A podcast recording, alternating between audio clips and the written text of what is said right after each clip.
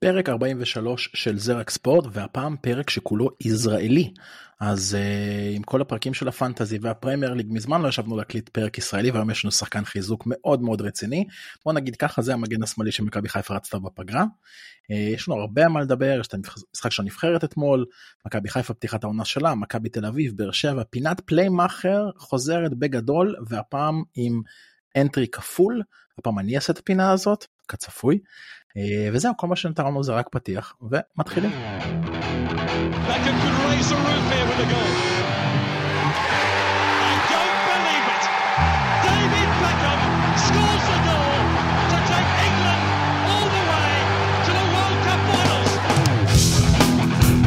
Frank de Boer speelt de bal heel goed naar Dennis Bergkamp. Dennis Bergkamp, Dennis Bergkamp neemt de bal aan.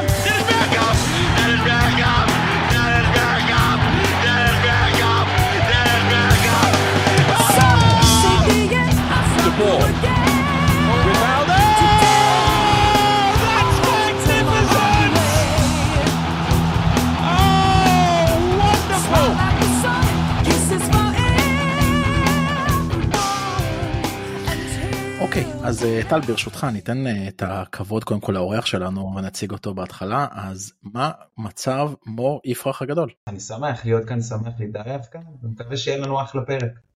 אז אה, אני ומור מכירים המון המון שנים גם עשינו כל מיני תוכניות ביחד ובכלל באופן כללי מהיציע בן אדם שאני מאוד מאוד אוהב את הדעות שלו ואתם תשמעו את זה במהלך הפרק. טל מה קורה? מה העניינים? ברוך הבא מור איזה כיף שאתה פה. אני חושב שקורנו צריך להתחיל לפחד. יש לו מחליף אה, ראוי בהופעת בכורה.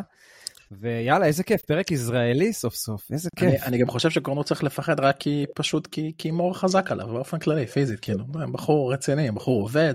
אני רואה סטורי שלו בחדר כושר מרביץ לכל מיני שקים מרים דברים כבדים ואז מניח אותם חזרה למטה. ככה זה. אנשים שמשקיעים בגוף שלהם לא כמונו. פדלאות. אה, אוקיי אז אז כמו שהתחלתי ואמרתי אתמול משחק של נבחרת ישראל רומניה אה, אחד אחד אמ, היה הרבה דיבור לפני המשחק הזה היו כל מיני אה, פרשנים ואמרו משחק קשה משחק מפתח אה, יש סיכוי אין סיכוי בוא נגיד אני לא ראיתי איזשהו קונצנזוס בתקשורת לגבי ניצחון ישראלי אבל מרגיש לי שאולי יצאנו קצת פריירים ככה ככה לפחות מאיך שראיתי את המשחק אה, אבל בוא בוא נתחיל מה, מה דעתך איך אתה ראית את המשחק של אתמול. קודם כל חד משמעית יצאנו פריירים אה, לא קצת, לראייתי חד משמעית יצאנו פראיירים. אה, אני אומר את זה כמחמאה, אני מחמיא לנבחרת ישראל. אני חושב שקשה מאוד היה לייצר קונצנזוס, בטח במצב שהנבחרת נמצאת בו. נבחרת ישראל, אתה יודע, אומרים שתי ישראלים, שש דעות. אז uh, בטח במצב שהנבחרת נמצאת בו עם כל פרשת ערן זהבי ומונס דבור ועומר אצילי, אה, על כל מקרה אני חושב שאתמול זה היה פעם ראשונה שהאידיאולוגיה של יוסי בניון ואלון חזן הצליחה לבוא לידי ביטוי גם על הדשא. כי הריזיקה שהם לקחו ידועה לכולנו, ואני חושב שאתמול חיכו להם uh, כמה אנשי תקשורת ככה עם הסכינים כבר uh, בהיכון, ובסופו של דבר, לשמחתי, uh, זה לא הלך להם, כי אני חושב שאנחנו גם ככה כמדינה נמצאים באיזושהי סיטואציה מורכבת, והנבחרת יכולה לצאת מעודדת מהמשחק הזה, יותר חשוב מזה זה למנף את זה למשחק הבא. יפה. הייתה לך אתה ראית את המשחק אתמול? חד משמעית למנף את זה למשחק הבא. תראה, לנבחרת ישראל, וזה לא חדש לנו, ראינו את זה גם במשחקים הקודמים, יש לה בעיה מאוד מאוד גדולה בניצול מצבים, אוקיי? חלק יבואו ויגידו זהבי, סבא וכולי, אז נשים אותם רגע בצד. באמת שיש לנו בעיה בניצול מצבים, אוקיי? ראינו את זה גם נגד בלארוס כשהוצאנו נגדם רק 2-1 וגם נגד אנדורה, סולומון אה, אה, כבש רק את ההזדמנות השלישית שלו, היו לו שני אחד על אחד הרבה יותר פשוטים מהדריבל, והוא הבקיע רק את, ה, את ההזדמנות השלישית שלו. נגד רומניה זה די בלט מחצית שנייה, הגענו לאיזה חמישה, שישה מצבים, שאתה אומר, אתה יודע, כדור אחד בפנים, ו- וחזן משתיק את כל המבקרים וכולי, ו- וקניקובסקי או פאני יוצאים שם מהמלכים. לא קרה, כמו שאמרת אלכס, יצאנו פראיירים, זה מבאס, אבל באמת שצריך למנף את זה למשחק הבא, כי הבית עצמו לא נראה בית אה, אה, כל כך קשה ממה שקורה מתחת לשוויץ. אז אוקיי? יותר אנחנו נדבר על הבית, כי שוויץ פה קצת עושה הרבה, בוא נקרא לזה בלאגן חיובי בתוך הבית, אבל אני שנייה רגע רוצה להתייחס למה שאתם אומרים. יכול להיות שאנחנו קצת יותר מדי מתעסקים בכל מה שמסביב לנבחרת, ו, ו, ו, ושם הולך הריכוז. זאת אומרת, באמת כמו שמור אמר, אה, כל הפרשות למיניהם דאבור אצילי אה, זהבי ועוד ועוד ועוד ועוד ועוד וכמובן גם ה... כאילו מפספסים בדרך את התהליך היותר מעניין שקורה בנבחרת זה התהליך של הכדורגל זה גם ההצעה של הנבחרת זה גם שחקנים וזימונים יותר מעניינים שמתקבלים אה, בוא נגיד זה באופ... יותר בהבנה. ואני חושב שאולי בניגוד לקמפיינים אחרים שהתוצאות עמדו לנגד עינינו והן לא היו טובות אז היה קל מאוד לבוא ולחתוך. פה הנבחרת כאילו סוג של מאפילים על מה שהנבחרת עושה בגלל כל הדברים האלה בגלל כל הפרשות האלה. השאלה באמת איך זה איך, איך, איך כאילו אתה חושב האם, האם זה קצת מעביר אותנו או קצת גורם לנו להתייחס לטפל ולא לעיקר.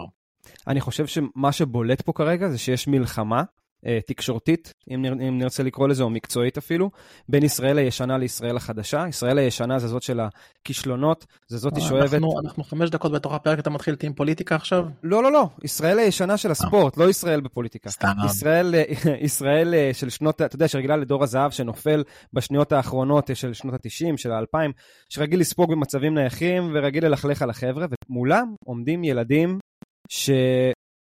אתה יודע, אם, אם גלוך לא זה שם קורה החוצה וזה נכנס פנימה, אז כל, כל התקשורת הזאת שותקת, אוקיי? וזה כל הקטע. זה כל הקטע. זה קרב בין הדור החדש הזה, שאני מאוד מאוד מקווה שהוא יוכיח לחבר'ה האלה שהם טועים ובענק, לבין החבר'ה שאוהבים תמיד להגיד, אתה יודע, להתעסק בטפל, להתעסק במסביב, במי לא זומן, והאם המאמן אה, צריך להיות מפוטר או לא מפוטר, וכאלה. אז אני רוצה לשאול אותך שאלה, מור. אתה דיברת על כל השחקנים שלא זומנו לצורך העניין, כל הפרשות מסביב. אני יש לי איזושהי דעה אני גורס שנבחרת דווקא עם השחקנים האלה מאוד מאוד מרוכזת בשחקנים האלה כלומר כשיש פיגורה כמו זהבי או דיה סבא בטח עם כל מה שקרה איתו בקיץ מכבי חיפה והחוזה הגדול או אצילי. גם עם הטוב שהוא עשה במכבי חיפה והשערים והבישולים וגם כמובן עם כל הפרשות האחרות מסביב. הנבחרת מאוד מאוד מתרכזת בשחקנים האלה ודווקא היותם לא שם נותן לזה להיות קצת יותר קצת יותר זורם קצת יותר כאילו נבחרת ללא סטארים בוא נקרא לזה ככה. השאלה אם אתה גם חושב בצורה כזאת. קודם כל אני חושב שברור של המצב בדיוק כמו שאתה אומר ואני מתחבר גם לדברים של של טלמי מקודם ברור שלתהליך הזה יש יתרונות. אם הנבחרת אתמול במחצית השנייה מגיעה לחמישה שישה מצבים על ידי אותם שחקנים שנמצאים אז ברור שאנחנו רואים שיש לה, להליך הזה יתרונות. זה כיף לראות את אה, אוסקר גלוך, לוקח את המשחק על עצמו במחצית השנייה. זה כיף לראות את כל החלק האחורי של הרומנים נכנס מעט לחרדה שהכדור אצל מנור סולומון, וזה כיף לראות את למקין עולה בדקה 76. אבל בסופו של דבר אני חושב שכל השיח הזה נוצר דווקא בגלל רצון מאוד של חובבי הספורט בישראל אה, לקטוף פירות מהקמפיין הזה, אבל פירות ממשיים. פירות בקנה מידה היסטורי, כאלה שלא היו פה, ויש לנו הזדמנות. אז אני חושב שהשיח הזה במקום מסוים, לפחות בחלקו, הוא תוצאה של חרדה ספורטיבית. אז זהו, אני, אני חושב שלפעמים לנו באופן כללי קהל הכדורגל הישראלי לפעמים יש לנו קצת אובר דרמטיזציה של תוצאות. כלומר הפסד זה זה זה כישלון זה קטסטרופה זה זה, זה זה נפילה קשה מאוד. ניצחון זה התבשמות ואנחנו עוד שנייה הולכים מועמדים לקחת את המונדיאל. ואני חושב שלפעמים אנחנו מפספסים בדרך את הדרך.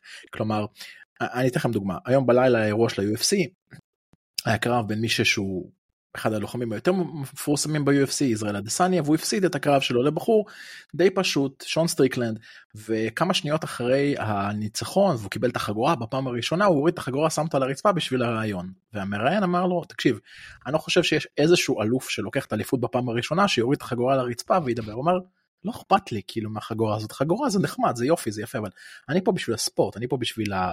בשביל הקרבות אני פה בשביל התהליך אני פה בשביל הדרך אני הוא גם אמר אני חושב שהספורט עצמו הוא סוג של הציל אותי כי כנראה הוא אמר את זה בצורה יפה הוא אמר אם אני לא הייתי כנראה בספורט הזה כנראה הייתי מבשל מף באיזושהי מעבדה אבל אה, אנחנו לא, לא, לא, לא, לא נלך לשם אבל אני אומר שיש לנו אובר דרמטיזציה ואני חושב שהמשחק אתמול אפילו שהוא הסתיים בתיקו הוא היה טוב מאוד מבחינת הכדורגל עצמו כי בואו בואו בוא ניקח את המשחק הזה. מה זה טוב מאוד? רגע אלכס סליחה שאני קוטע אותך הוא היה מדהים זה משחק חוץ חברים האצטדיון היה מלא וישראל ברגעי ההכרעה מדקה 60 צפונה יכלה לתת שער אפילו שניים ואם השני כאילו אם היא נותנת שניים הרומנים מתפרקים כאילו אז זה, זה, זה בדיוק מה שבאתי להגיד שאותה תוצאה אחד אחד זו תוצאה אוקיי? זו, זו, זאת התוצאה הסופית. ככה נגמר המשחק. אבל אחד אחד יכול היה להיות עם איזה שער מקרי שלנו בהתחלה ואז שוויון מבאס בדקות 80 עם איזה מצב נייח מאוד מאוד ישראלי. או הפוך לקבל איזה שער מטעות שקרה אבל תכף נדבר על זה ואז להתאמץ להתאמץ לא להיראות טוב כמו שצריך משחק מאוד תקוע ואז איזושהי הזדמנות בדקה האחרונה וגול ושוויון ואנחנו אומרים וואו טוב שיצאנו פה באחד אחד אבל זה לא היה משחק המשחק עצמו היה דומיננטי היה שליטה היה קבוצה יותר טובה משחקת בחוץ אני אני לא זוכר את נבחרת ישראל משחקת בצורה כזאת בחוץ. ועושה את הדברים אה, בצורה יוזמת. כלומר ראית יוזמה שלנו וזה מה שמעניין. ואני חושב שכאילו כל הדברים האלה של הכותרות וכל קצת מפריע לכל מיני אנשים לבוא ולהסתכל רגע על, על, על מה שכבר הספיקו לעשות בקמפיין הזה שבטח יהיה לזה אבני יסוד לקמפיינים הבאים. אני רוצה רק, רק להוסיף על מה שאתה אה, אמרת מבחינת כמה טובים היינו במחצית הראשונה כשלא היינו דומיננטים. הרומנים לא שלטו במגרש, הם לא התפוצצו, כלומר, היינו טובים במידה מסוימת, גם במחצית הראשונה כשהם טיפה היו יותר שולטים, אז זה מראה הכל, גם ראו את זה בנתונים בסוף, בעטנו יותר לשער, היינו, היינו שווים יותר משער אחד. ומור, בגלל זה נראה לי, אני, רוצה רגע להפנות שוב פעם את השאלה אליך, כי יש איזושהי הצדקה בין הקטע הזה של אה, תקשורת שדורשת הרבה, הרבה הרבה ציפיות כאילו בקמפיין הזה מול הגרלה קלה, לעומת כל האנשים שלא זומנו. אז האם אנחנו, האם אנחנו יוצאים פראיירים? האם חזן יכל להוציא שם יותר? וואי, קודם כל, אה, נגעת בחזן, ואני חושב שאם בסופו של דבר, ואני באמת באמת מקווה שלא, אה, הקמפיין הזה יסתיים בכישלון, אז יכעסו מאוד מאוד על חזן, כי קודם כל מזהים שהוא מאמן בריא, שיש לו אידיאולוגיית כדורגל בריאה. רואים את זה בגישה שלו, רואים את זה ברעיונות שלו, רואים את זה במה שהשחקנים מסביבו אומרים. זה דבר ראשון. דבר שני, הוא קיבל אה, פלטפורמה נהדרת לעלות, הוא קיבל בית, בניין יחסי, בטח ביחס לעבר, קיבל בית קל. אז באים ואומרים לו, אין לך פריבילגיה, לאור ההיסטוריה של נבחרת ישראל, לא להשתמש בכל הכלים שעומדים לרשותך. והוא לצערי, בגלל אה, חלק מהדברים שתלויים בו וחלק שלו, לא משתמש בכל הכלים שעומדים לרשותו. לכן לצערי, ולא ניתן להתעלם, אלכס, ממה שהוא עשה עד עכשיו בקמפיין, לא ניתן להתעלם בכלל ממה שהוא עשה עד עכשיו בקמפיין, לכן לצערי, אם הנבחרת תחווה כישלון בסופו של דבר, זה בלתי נמנע יהיה כאילו מלשאול אותו את השאלות האלה. אני מקווה בעזרת השם שהדרך שלו תצליח, כי אני כן מזהה דרך בריאה. אני בכל זאת, בסופו של דבר, כן הייתי, בגלל שאנחנו הגענו, אנחנו ממש על, על שפת הבאר, כן הייתי שם את הדברים בצד ורואה איך אני כן מביא שחקן או שניים מאלה, מאלה החסרים, מהבולטים ביניהם לפחות, ומשלב אותם בתוך הנבחרת, ללא ספק יש להם מה לתרום. לא, זו, זו תהייה טובה כי בס... הוא, זה קצת קצת מזכיר את המצב של חזן קצת מזכיר את המצב של אלברמן בקיץ. כלומר הכל עליו. זאת אומרת הכל עליו ואתה מצליח או אתה נכשל הוא מאוד מאוד מאוד עליו וגם פה הייתה לנו הגרלה יותר קלה בוא נגיד בטוח יותר קלה משנה שעברה בדרך לליגת האלופות. אני לא נוגע כרגע במכבי חיפה אבל יש פה איזושהי איזושהי קורלציה איזושהי השוואה בין שני אנשים שהכל נמצא עליהם והכישלון וההצלחה הוא עליהם אני חושב ואני פה אציע איזושהי זווית אני לא כל כך חושב שאנחנו נפתח על זה אבל אני כן חושב שדווקא במצב הנוכחי במצב של הנבחרת היום בבית לאור התוצאות שהיו ולאור המשחקים שנשארו ולאור זה שברור לכולנו מה אנחנו צריכים לעשות כלומר ברור שצריך לנצח את בלרוס ואת אנדורה וזה המשחקים הקלים כביכול על, על השולחן וחייבים לנצח את רומניה כי בסופו של דבר זה בינינו לבין הרומנים על כנראה על המקום השני וקוסובו אה, משחק קשה אבל חייבים להוציא שם משהו. מאוד מאוד ברור אני תוהה לעצמי האם להכניס עכשיו את כל השחקנים האלה לתוך, לתוך איזשהו מארג שכבר נבנה בתוך הנבחרת, איזושהי היררכיה מסוימת או אפילו היעדר היררכיה, האם זה לא יפגע לצורך המקרה בהמשך. אתה יודע זה טל? כן, לדעתי זה לא יפגע uh, בכלל, ואני אגיד לך גם מעבר לזה, uh, uh, דיברנו על זה גם תוך כדי המשחק, שראינו את וייסמן עולה במקום דינדה, כשרובנו די uh, מבינים שווייסמן לא רואה דשא, זה מה שנקרא התעקשות קצת של מאמן, שזה לפעמים מודל שלא כל כך מתאים לנבחרת. נבחרת, בהרבה מאוד פעמים, בא לך מאוד להעלות את השחקן שאיתו רצית להעלות, אבל עדיף לך לתת לשחקן שיותר בכושר, לצורך העניין דינדה, אה, במקרה הזה. אה, זהו מבחינתי. וואו, הלכתי רגע לאיבוד. אה, דיברנו על... אה, אנחנו דיברנו על, על שילוב של השחקנים האלה ממקום של האם זה יפגע או לא יפגע ב... בתוך המארג עצמו. זו פשוט נקודה שמור העלה, אז אני ככה חושב אני מסתכל הנקודה מצוינת אני מאוד הייתי רוצה לראות פה איזשהו סקורר מוכח בנבחרת שלנו שיכל לקחת את המצבים של אתמול ולסגור אותם בסופו של דבר לסגור את המשחק. אני תוהה לעצמי האם אה, אותו סטאר, אתה יודע, אני לוקח את זה נגיד מכל מיני ענפי ספורט אחרים, אה, איזשהו חדר הלבשה מאוד בריא בכדורסל, שפתאום נכנס שם איזשהו סטאר מאוד גדול, והוא קצת הורס את, ה, את, ה, את המבנה, את מה, את מה שנוצר פה. אה, יכול להיות, יכול להיות שלא, נשאיר את זה פתוח, כל אחד כמובן יכול לגמרי לקחת את הדעה שלו. בוא נדבר על שני דברים שאני כן רוצה לדבר עליהם במשחק, אה, וקודם כל בוא נדבר על עמרי גלאזר. אז עמרי גלאזר, שאלת השאלות, דניאל פרץ, להזכיר לכולם, שוער ביירן מינכן, אמנם לא ראה שם דקה, אבל שוער ביירן מינכן, ונשאלת השאלה האם שוער שנמצא בקבוצה כזאת לא צריך להיות זה שפותח, מצד אחד. מצד שני גלאזר גם, ליגיונר, משחק בחו"ל, בכוכב האדום. הבעיה, ש... ואת זה אמרו כמה אנשים, אני דווקא רוצה לשמוע את דעתכם בנושא, שהוא משחק בליגה שבו לכוכב יש עליונות מאוד מאוד גדולה, וכמות הפעמים שהוא עומד למבחן, במשחקים האלה היא מאוד מאוד קטנה מה שאולי קצת מוציא ממנו מהכושר מהחדות הזאת אה, שהיה לו פה בארץ ואולי זה פוגע בו ואנחנו ראינו אתמול אותו יוצא יציאה אחת שלמזלו לא הסתיימה בגול של הרומנים ואולי קצת פגע לו בביטחון ואז הטעות שבאה לאחר מכן. אז זו באמת זו באמת נשאלת השאלה פה האם האם הבחירה בו הייתה נכונה. תראה נגעת בנקודה, טוב, רציתי לתת למור להתחיל, אבל אני אתחיל רגע. אני חושב שהטעות הזאת כן הכניסה אותו לסוג של, אה, של אה, רגעים של לחץ, ואז בעצם באמת השער ברוב, הסיק... ברוב האחוזים היה עליו, אבל כשאני ראיתי את המשחק וגם דיברתי עם חברים תוך כדי, העליתי כמה נקודות שאני חושב שלפחות זורקות את האור, את האשמה קצת פחות אליו. השער הראשון, מאיפה הוא התחיל? בואו נזכר רגע. אוסקר גלוך, כנף ימין עם אלי דסה, מאבד כדור במסירה די מוזרה כזאת אחורה, ומשם מתחילה להתפתח ההתקפה. עוד מצ'אפ באמצע, כדור, כדור uh, גבוה מגיע, שחקן מאבד אותו. לאחר מכן, נטע לביא. דריבל די פשוט, והוא גם היה במשחק, במשחק מעולה. מחליק על הדשא וזה ממשיך. ויטור יכול לבוא ולמנוע את הפס, לא מונע. דסה הכדור ממש עובר לו ליד הרגל כשהוא היה שנייה לפני כן באגף ויכל גם לסגור את המסירה. עד כאן ההגנה במצב לא טוב, אוקיי? ואז מגיע הקטע הזה שאני רואה הרבה פעמים מדור פרץ, כשמקו שני הוא שוכח לסגור את השחקן שעל ה-16. דסה התמודד עם גולדברג מול שחקן אחד באגף, כלומר דור פרץ העזרה שלו היא לא באמת הייתה איזושהי סגירה נכונה. יש שחקן את סטנצ'ו, הוא היה פנוי על ה-16, דור פרץ הגיע לסגור ומשם הגיע בעיטה. כלומר עד לכאן לגלאזר לא הייתה שום אשמה, אוקיי? שום אשמה, היה מהלך קבוצתי של מלא טעויות אישיות. ואז מגיעה הטעות שלו, וההגנה הייתה רדומה, ראיתם גם את דסה ושון בר, אה, גולדברג לא מתנפלים על הכדור. שחקן מגיע מאחורה, מצטרף מהר ולוקח את הריבאונד, ככה שהגול הוא כן עליו, אבל אי אפשר להתעלם, אסור להתעלם מהטעויות הקבוצתיות, כי ראינו אותם גם במשחקים הקודמים. היו שערים מאוד קלים נגד בלרוס, ושערים מאוד קלים נגד אנדורה, וגם שערים מאוד קלים נגד אה, אה, שווייץ וקוסובו. אוקיי? זה, זה, אני רוצה להזכיר לכם את ההחזרה אחורה של רז שלמה לשוער, נגד, אה, נגד אנדורה, אם אני זוכר נכון, במשחק שהוא הביא בעיטה מחוץ לרחבה. אוקיי, אז הטעויות האלה אסור להתעלם מהן, ופה אני מחזיר עכשיו את הדיון לגלאזר. בוא, בוא, בוא עכשיו נדון בתוך הטעות הזאת, והאם באמת הוא או דניאל פרץ, מור הבמה שלך.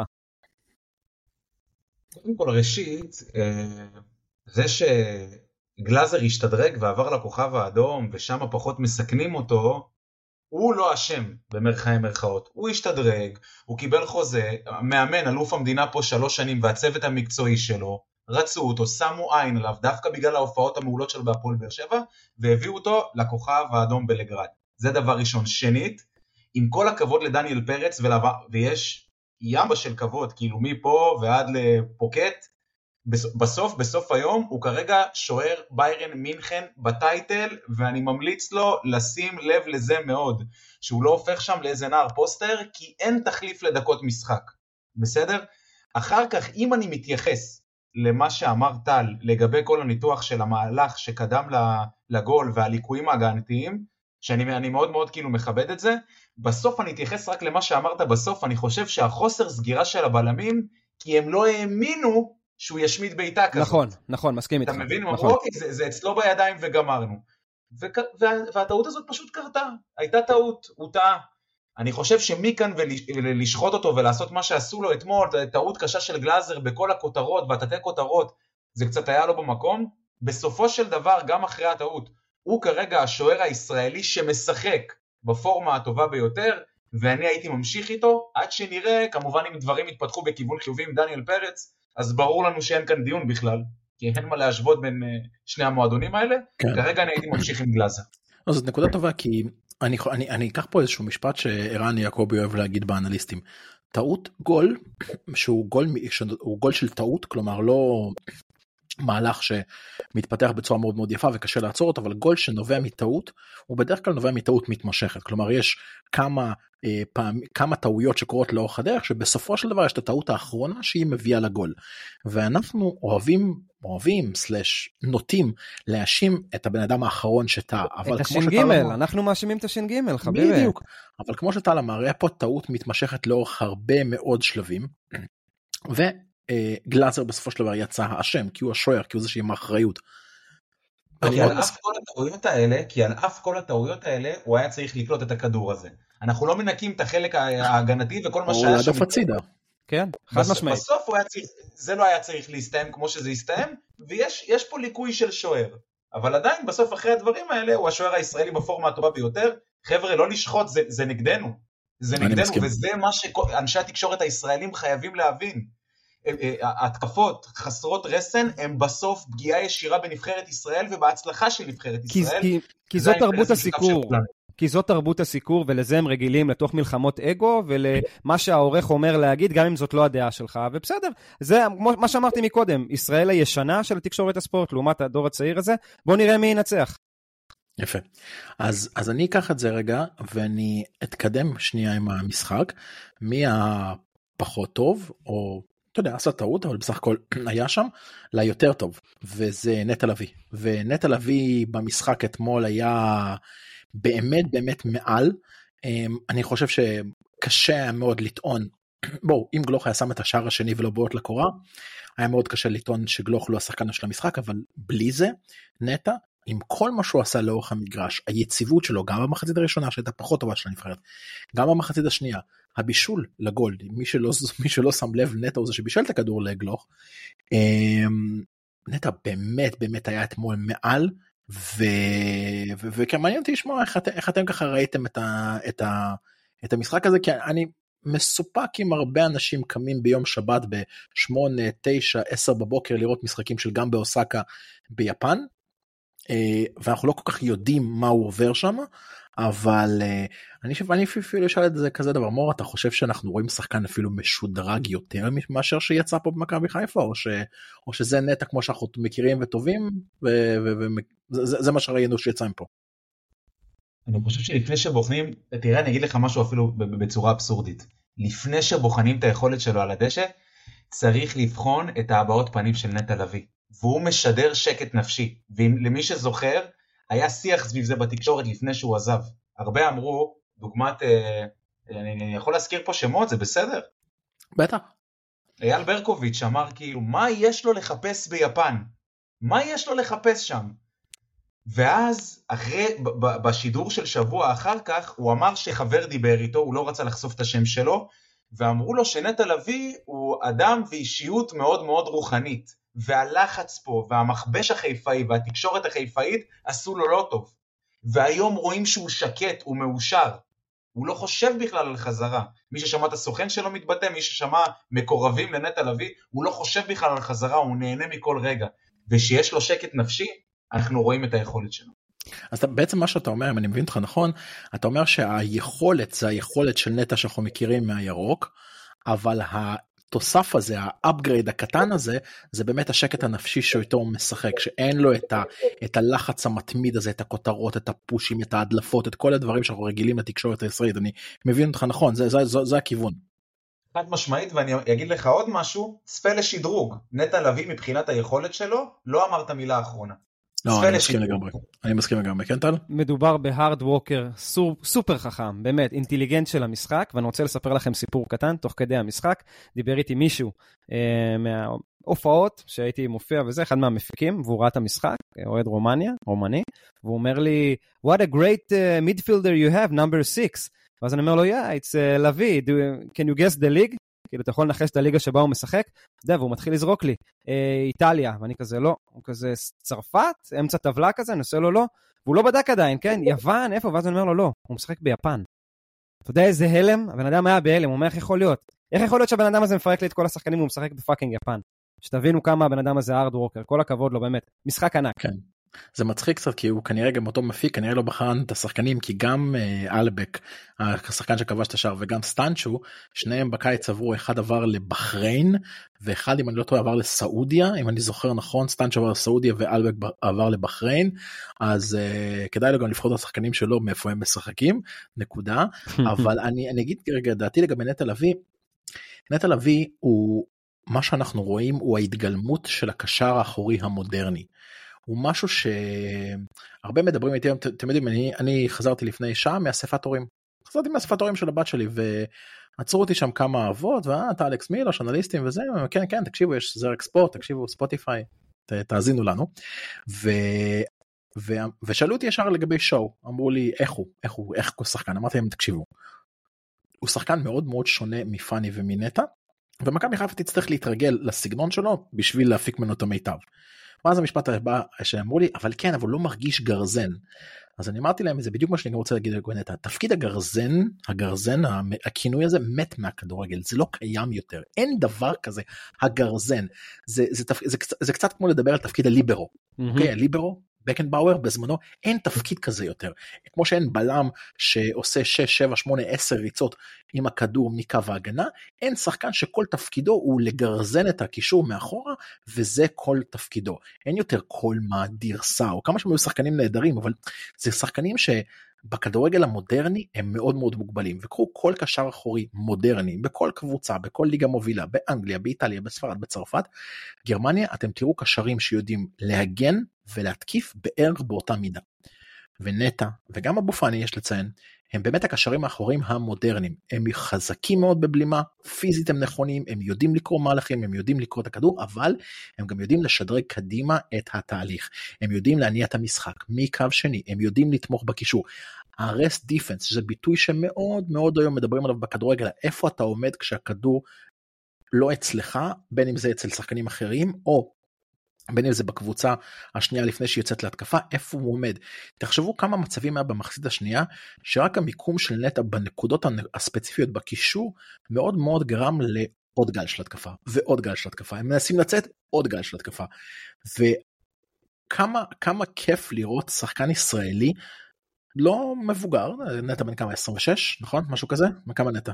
כן 27 6 27 כן משהו כזה שחקן שנמצא בפריים של הקריירה שלו אבל גם הכדורגל שלו נמצא בפריים של מה שמקובל היום באירופה מה שמקובל היום בכדורגל. וזה היה מאוד מאוד יפה לראות ובפינת הפעם האחר שלנו אני אתייחס לנטע לגבי איזשהו משהו שיצא אתמול.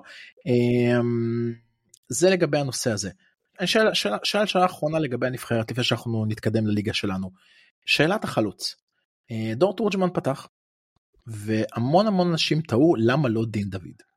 עכשיו אני יכול להסתכל על זה משני צדדים זאת אומרת אני יכול להסתכל על זה מהצד של הצהרת הנבחרת דור תורג'מן עם קיץ מצוין שחקן שבאמת הכישרון והפוטנציאל שלו הוא מאוד מאוד גבוה. אני אפילו חושב יסלח לי דין דוד שהפוטנציאל של, של אה, פרץ של אה, תורג'מן סליחה הוא יותר גבוה ממה שדין יכול להגיע אליו זאת אומרת תקרת הזכויות שלו יותר גבוהה. אבל אנחנו לא יכולים להתעלם מהעובדה שדין בכושר מאוד מאוד טוב והוא יותר בוגר הוא אחרי אה, שתי עונות בחיפה שהן עונות אירופיות ונשאלת השאלה האם האם דין היה צריך לפתוח. לדעתי אה, תראה אני, אני, אני אסביר את זה ככה. תורג'מן זה הימור יפה, זה הימור מגניב, זה הימור חכם, שחקן שאולי טיפונת היריבה פחות מכירה ופחות ציפתה שתשחק איתו. אחלה, יפה, מגניב, אוקיי, הגענו לדקה 45, 50, 60, מה קורה, אתה צריך להעלות חלוץ אחר, ואז אתה בוחר בווייסמן, אז פה בעצם מבחינתי, זה מה שדיברתי מקודם, פה חזה נפל, הוא היה צריך להעלות את דינדה. אם כבר הימרת על תורג'מן, אוקיי, יפה, זה חלוץ שכן משחק לעומת וייסמן, וגם כבש. נהדר, גם קיץ נהדר, כמו שאמרת. אבל דינדה היה מתישהו חייב לעלות למשחק הזה. הוא פשוט היה חייב לעלות, זה או שאתה שם אותו בהרכב, או שאתה עולה איתו כמחליף על תורג'מן. אז... מור דעתך? אני באופן אישי אני אהיה חייב לדבר בכנות. אה, לצד כל, ה, כל המחמאות, אני, אני קצת מאוכזב מדין דוד. אני מאוכזב מה, מההחמצות שלו נגד יאן בויז, מה, מההחמצות הסדרתיות שלו לצד השערים שהוא כובש. אה, אני חושב שגם המאמנים רואים את זה, גם הצוות המקצועי בנבחרת ישראל רואה את זה, אה, ולכן הוא משלם את המחיר, כי אם אנחנו בוחנים אה, פר נתונים סטטיסטיים, אין סיבה שכאילו דור תורג'מן יעלה אתמול לפניו, בטח ובטח לא שון וייסמן, אני, אני איתך טל. אבל בסוף לדעתי הוא משלם את המחיר על uh, קטעי וידאו שצוותים מקצועיים רואים בסוף המשחק, ולכן לצערי התוצאה הייתה התוצאה שראינו אתמול מבחינת כאילו הבחירות של המאמן והכל. זה, זה חלק מההימור, כאילו אתה יודע, כשכולנו הסתכלנו על ההרכב וראינו את דסה ושגיב יחזקאל על הכנף, אתה כבר מתחיל להרים uh, גבות, ביחד עם תורג'מן. היו שם קצת יותר מדי הימורים אגב, uh, uh, לדעתי, וזה חוזר על עצמו לאורך כל הקמפיין. זה נראה שחזן מעדיף את וייסמן, כאילו no matter what. כזה, כן? כאילו, אם וייסמן כשיר, אני מזמן אותו כן. ומעלה אותו. זה קצת, זה קצת, זה קצת חורה לי, ואני מאוד אוהב את וייסמן. גם אני, מאוד. זה קצת, קצת מפריע לי, זה גם, תראה, מה שאני רואה אצל קטן, שפרות קדושות יותר מדי אין לו. אצל חזן. זאת אומרת, אצל חזן. אצל חזן, סליחה, מי אמרתי? קטן. קטן. וואי, אם קטן היה מאמן הנבחרת, מעניין. אולי אצל קטן יש פרות קדושות, אני לא יודע. אבל ברור ששחקנים כמו סולומון וגלוך ועבדה ונטע אלה שחקנים שהם זה אין פה עניין של פרה קדושה או לא הם שחקנים מאוד מאוד מוכשרים נמצאים בפריים שלהם והם צריכים להיות שם זה ברור. אבל יש שחקנים שהוא קצת אה, קצת אפשר להגיד זוכר להם חסד נעורים כמו דסה לצורך המקרה. אוי וואו. שאין מה לעשות דסה עם המעבר שלו לרוסיה לא טוב לא טוב לא מביא את עצמו נראה לא טוב. אה, אני חושב שהיה קונצנזוס תתקנו אותי אם אני טועה היה קונצנזוס במחצית דסה היה צריך לצאת יחזקאל היה צריך לקחת את האגף ימין כמגן כמו שהוא משחק בבאר שבע ואז לשלוח שחקן אחר לתוך המערכה פחות או יותר גם מה שקרה. ו... ואני חושב שאם יש איזשהו upgrade שהייתי נותן לנבחרת הזאת זה באמת גם את השחקנים האלה להפסיק לזכור להם את החסד נעורים הזה הוא לא טוב זה בסדר לא יקרה שום דבר אם הוא יישב משחק על הספסל ויתקדם משם כי יכול מאוד להיות שהוא צריך את זה. וזה זה לגבי הנושא של זה לגבי הנושא של הנבחרת אני חושב שאנחנו ככה די סגרנו את הכל. יום שלישי בלרוס אה, רק, רק מילה אחת רגע לפני, אה, רועי רביבו. כפיים, משחק okay. אוקיי. יפהפה, משחק יפהפה, כל הכבוד לו. אם דיברת על מגן ששומרים לו חסד נעורים, אז הוא בונה חסד נעורים בנבחרת. כל הכבוד, שימשיך ככה, לטעמי, עוד שנה שגם כבר לא יהיה פה, הוא יכול להתקדם באירופה יפה. כן זה מצחיק אותי קצת אה, רועי רביבו שהיום בכל מיני תוכניות דיברו הוא האבא של תמיד הוא כזה בצל שלו הוא האבא של ואז אמרו כן כמו מאור לוי הבצל של מה לא, לא הבנתי את זה. אה, בקיצור כן זה, שמעתי את זה היום כאילו נאמר בציטוט אני חושב שיצא לי כל המאף. כן לא, באמת נאמר היום נאמר היום באחת התוכניות אני אפילו אפילו לא מתכוון לעודד ולהזרים את האנשים לשמוע את הדבר הזה שם. יצא לך כל המאף כבר דיברנו על זה אם שותים לא מאזינים. לא מאזינים לתוכניות ספציפיות ביותר מעולה יופי אז אה, נבחרת יש לנו בלרוס ביום שלישי. אה, חשוב מאוד יש לנבחרת שלנו אגב יש היסטוריה של בעיטות מופלאות בדלי ונבחרת כמו בלרוס פה בארץ עם כל ההייפ עם, שמעתי כבר איזה 24 אלף איש הולכים להיות בבלומפילד זאת אומרת האצטדיון הולך להיות מלא. כל התרחישים כל כל הבמה הבמה התאורה מוכנה לבעיטה מסובבת בדלי כולנו מקווים שזה לא יקרה. אני ממש מקווה שזה לא יקרה. אה, וזה גם אתה יודע זה גם איזשהו אתם סליחה לא אתה אתם יודעים זה גם איזשהו מבחן בגרות לנבחרת שצריכה להראות שגם אחרי משחק טוב מבחינת כדורגל חד משמעית מבחינת תוצאה גם בחוץ היא יכולה לחזור הביתה מול הקהל שלה לבוא להראות להראות דומיננטיות להראות כל הדברים האלה לנצח לנצח בצורה משמעותית ולהתקדם הלאה כבר לקמפיינים אחרים אז. זה לגבי הנבחרת שלנו בואו נעבור רגע לליגה אז אה, אז מכבי חיפה פתחה באמת אחרי אה, שהמחזור הראשון נדחה ואחרי שהיא הודחה על ידי יאנג בויז היא פתחה את הליגה נגד הפועל ירושלים. משחק שאני חושב שכל האוהדים של מכבי חיפה הסכימו שהוא משחק מוקש מאוד מאוד מאוד בעייתי ספציפית גם בגלל הטיימינג שלו. כי לא להוציא ניצחון נגד הפועל ירושלים היה נותן לנו כקבוצה להיות מודחת על ידי יאנג בויז לשני משחקים שבהם לא כבשנו שער אה, לפתוח את הליגה כבר באיזושהי רדיפה מסוימת אחרי uh, הטוענות לאליפות איתנו, בין אם זה מכבי תל אביב, באר שבע, פלוס שבועיים של לחשוב על זה, שבועיים של לשבת ולחשוב על זה, שזה, שזה יושב ומטפטף לך את כל הרעל הזה בתוך הראש, עד שאתה מגיע למשחק הבא, ואז לעלות למשחק הבא, כבד מאוד, בלחץ מאוד, ומכבי חיפה לא נפלה שם וניצחה. אה, מור אני יודע שאני צריך להחזיר אותך אחורה כי זה כבר נראה עם קצב הכדורגל וקצב האירועים שקורים פה גם בספורט וגם במדינה זה נראה כאילו זה קרה לפני שנה אבל איך אתה איך אתה ככה זוכר את המשחק הזה איך, איך, איך הוא הרגיש לך. אני, אני זוכר בעיקר את השיח שאחרי המשחק הזה, ש, ש, שהשיח שלך הוא המשך ישיר של השיח הזה. אה, על כמה נמנענו מרע. כמה נמנענו מרע בזה שלא הפסדנו, איזה מזל שיצאנו לפגרה של הנבחרת עם אה, טעם ככה מתקתק, מתוק טיפה בגרון ובפה, אה, אחרי הניצחון על הפועל ירושלים, כמה בשנה שעברה המשחקים נגד הפועל ירושלים היו מוקש, ואיך הובכנו שם בטדי. ותרשו לי להיות חצוף ולהגיד שציפיתי ליותר. ציפיתי שמכבי חיפה, וסליחה שאני אומר את זה בלי פילטרים, יפרקו אותם שם. פרט, פרט יותר, מה, מה ראית במשחק שככה לא ענה לציפיות שלך? זה מעניין. אה, ראיתי, ראיתי דעיכה לפרקים, ראיתי מעט חוסר יציבות, מה ש... ברגע שזה קורה, אני באופן אישי, כצופה, ישר מסתכל על הקווים, ישר מסתכל על דגו. אתה מבין? כי גם במשחק נגד יאנג בויז בחוץ, שהלך לנו פחות טוב והתוצאה נגמרה כמו שהיא נגמרה, אז, וגם במשחק בסמי עופר דרך אגב, היה שם איזה קטע שצ'רון, אה, שרי, אני לא זוכר על איזה שחקן הוא צעק, הוא פתאום בא והתחיל לצעוק על פיירו.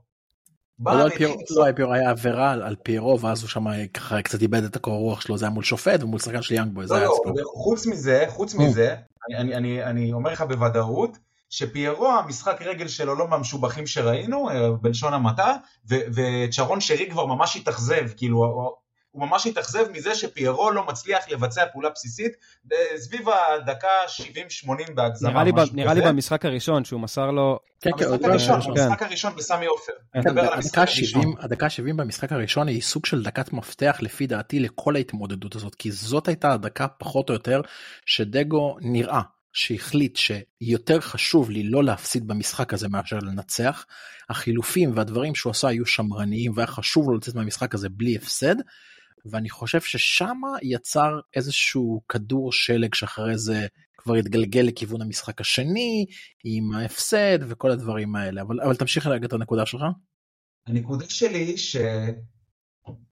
שמתחילת מערכת היחסים שלי באופן אישי במרכאי מרכאות עם, אה, עם אה, מסאי דגו, אני כאילו אומר לעצמי, בבקשה, בבקשה תראה לנו שיש לנו על מי להישען, בבקשה אני מתחנן אליך, בבקשה כי, כי, כי בעונות הקודמות, אז כל פעם שהיינו נמצאים באיזושהי סיטואציה מורכבת במשחק, אני הייתי, ידעתי שיש שם את וייזינגר ואת בכר על הקווים, וצרפתי, והם מדברים ביניהם, ועוד שנייה הם ישלפו שפן מהכובע, ויהיה בסדר, וגם אם חס וחלילה נפסיד, אז אני יודע שלהבא זה יתוקן, ברק לא ייתן לזה לקרות, הצוות, המעטפת, לא ייתנו לזה לקרות.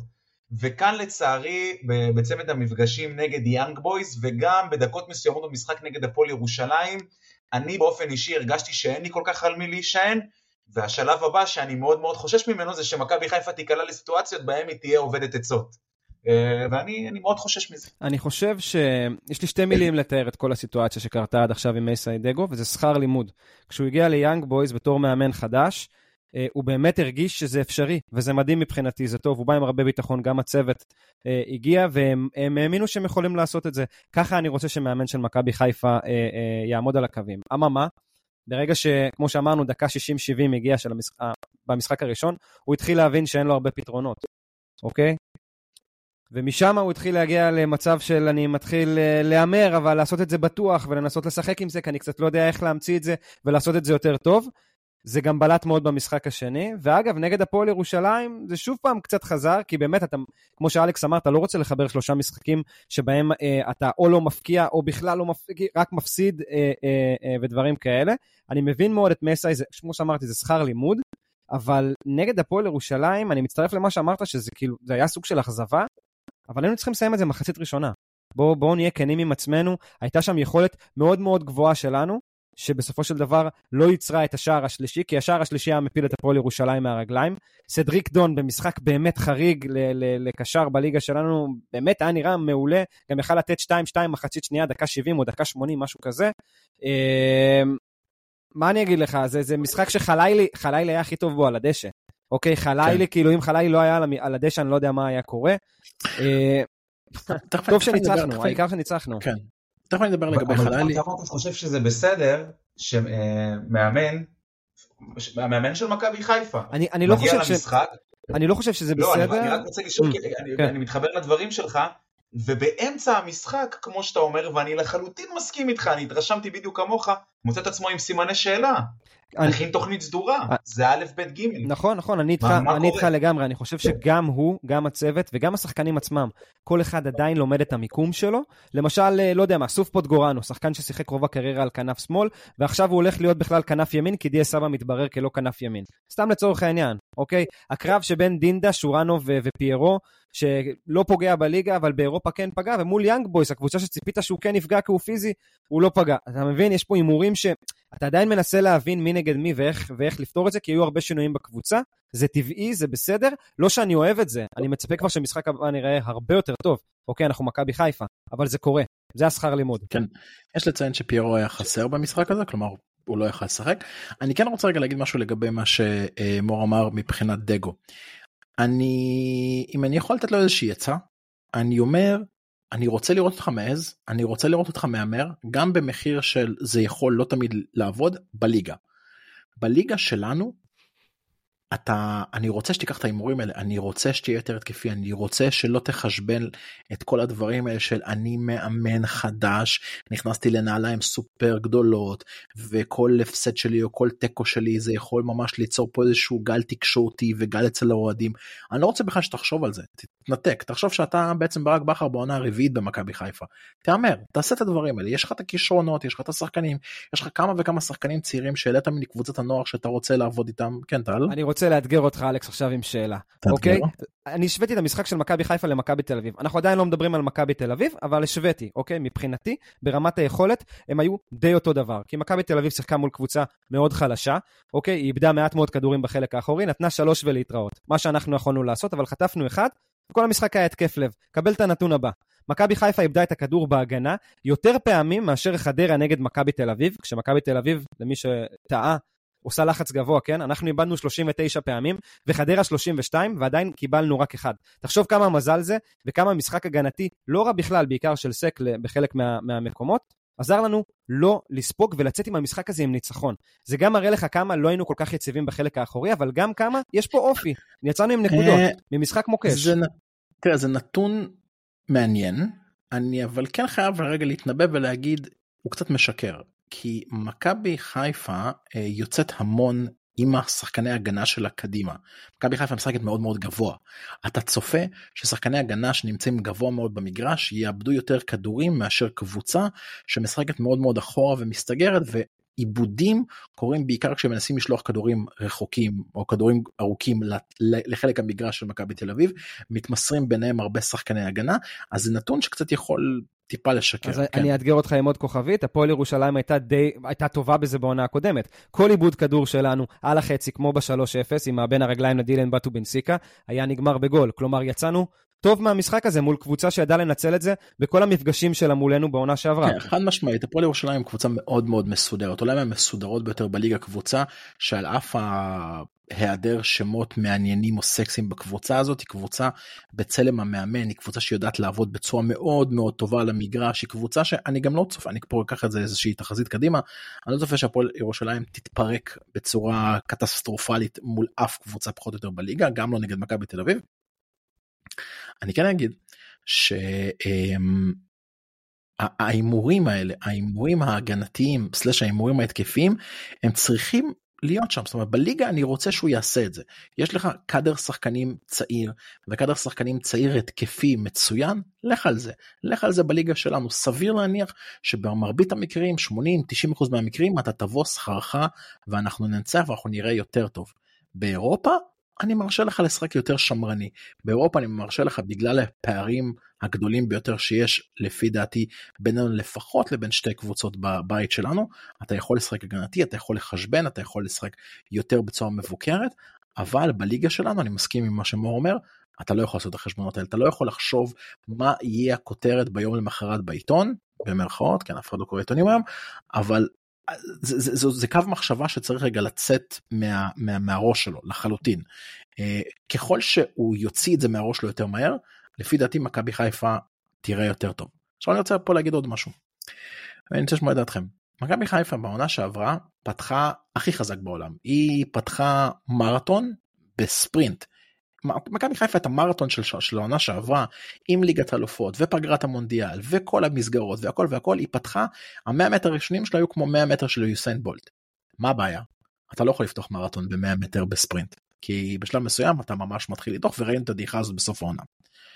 השנה, בניגוד, מכבי תל אביב פתחה בספרינט הזה, מכבי תל אביב פתחה בספרינט חזק מאוד, נראית מאוד מאוד טוב, ומכבי חיפה סוג של, אה, אתה יודע, איך אומרים, היא רצה בדבוקת, בדבוקת השחקנים, היא עוד לא, היא, היא בפלטון כמו שאומרים בטור דה פרנס, היא עוד לא נתנה את הפריצה הזאת קדימה, אבל אני כן חושב שאולי יש בזה יתרון מסוים. כי אם אתה פותח ככה אתה יכול להגביר, בעוד שאתה פותח בפול פאוור אתה בעיקר יכול ליפול. אה, אבל מעניין אותי לראות מה אתם חושבים לגבי, לגבי הנושא הזה, לגבי פתיחת העונה הזאת מול פתיחת העונה הקודמת, ובאופן כללי איך זה יכול להשפיע קדימה לעתיד. אני חושב ש... שכאילו מבחני האופי הם אה, אצל מכבי תל אביב הם הרבה יותר מאוחרים.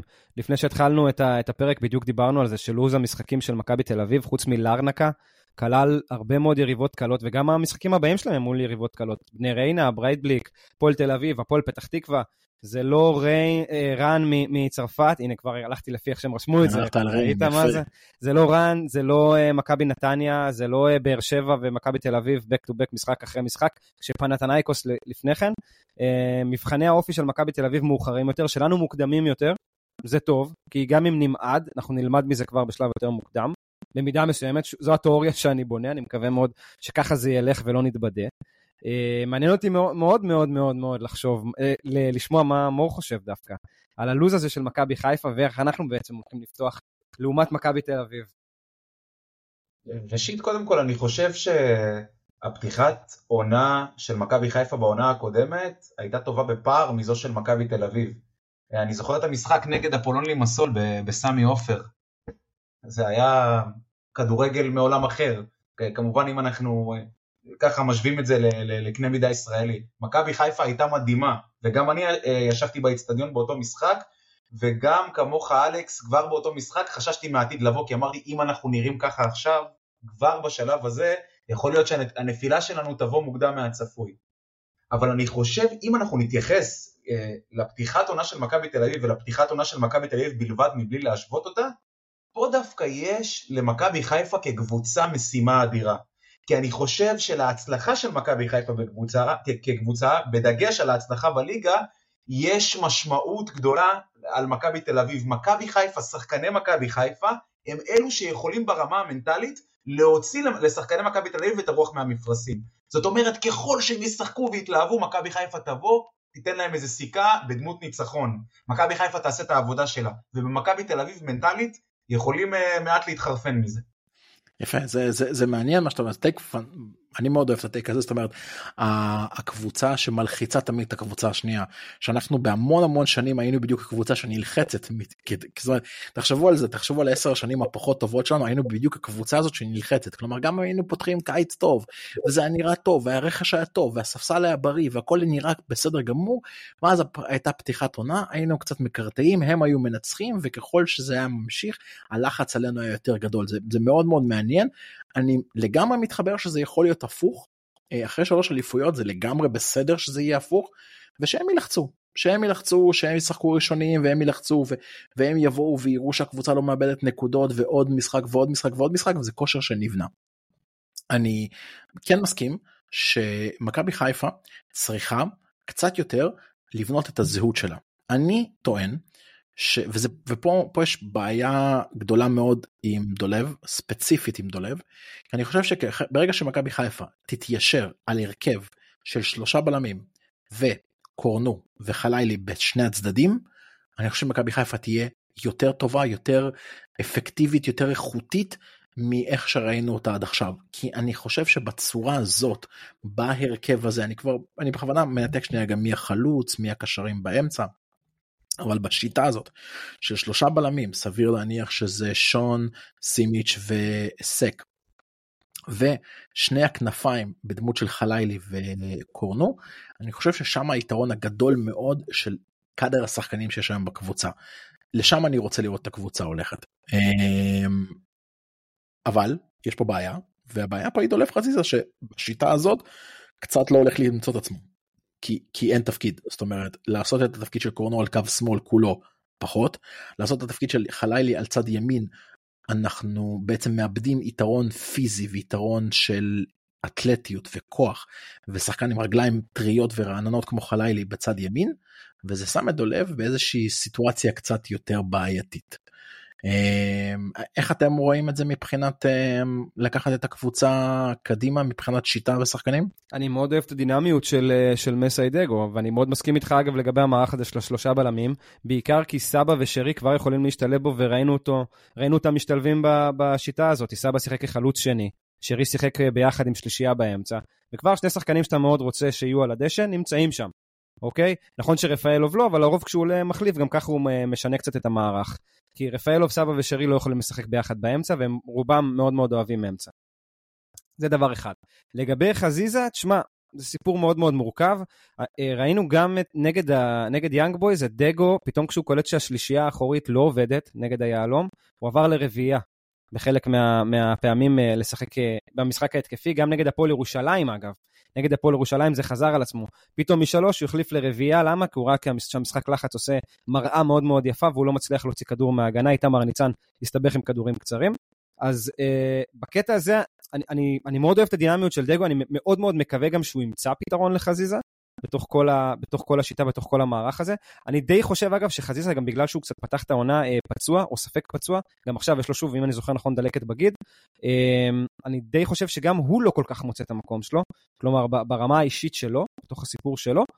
Uh, צריך לראות לאן זה מתפתח, כי שוב, זה מחזיר אותנו לאותן נקודות. סוף פוטגורנו, הוא שחקן קו שמאל או שהוא שחקן ימין, או שהוא גם שניהם. לחלק מהאנשים גם פתאום זורקים בכלל את האופציה שהוא יהיה חלוץ. חלילי שהוא חלוץ, הוא בכלל תראה איזה יופי של שחקן uh, בווינג, הוא כווינגר ימין, לעומת דיה סבא שהוא לא.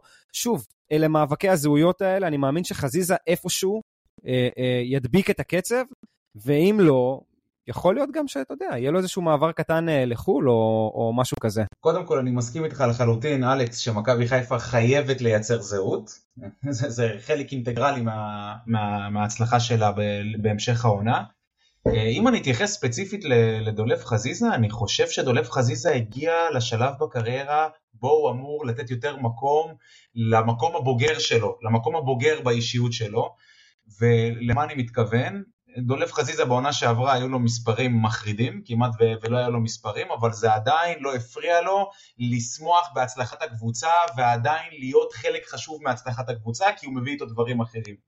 אז uh, מהמקום הכי ריאלי בעולם, ובלי טיפונת של ציניות, כי אני מת על חזיזה, יש לי, לבן שלי הקטן תמונה עם חזיזה בחדר וחולצה של חזיזה, חזיזה מבחינתי מסמל הרבה דברים טובים, כן, הרבה הרבה רוח לחימה וווינריות שהוא הביא למכבי חיפה, אבל אה, צר לי עבורו, יש כרגע את אה, חלילה, ואם אה, מסה יראה לנכון לתת יותר מקום לחלילה, אז חזיזה הוא כבר לא, אתה יודע, צ'לסי לא מחכים לו, והדקות משחק שלו במכבי חיפה זה לא מה שיבדיל בין חוזה מטורף באירופה להישארות בליגה, הוא חתם פה לארבע שנים, הוא ככל הנראה יישאר פה, ואני חושב שהוא צריך לשים את טובת מכבי חיפה בראש מעייניו.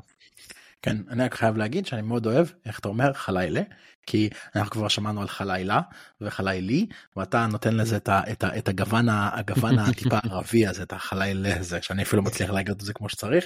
יש מצב שאתה צודק מבין כולם, יש מצב שככה בדיוק אומרים את זה, עד שאני לא אשאל אותו באופן אישי. אני אלך עם הגרסה שלך. עוד שבוע יבוא מישהו אה, ויגיד חלאילו, לך תדע, זה האופציה היחידה שעוד לא נאמרה, אה, נכון? חלאולה, גם אופציה, כן, גם אופציה. בדיוק. אה, אני רוצה לדבר איתכם על שחקן אחד, ואני חייב להגיד שאני פה באמת לא מבין.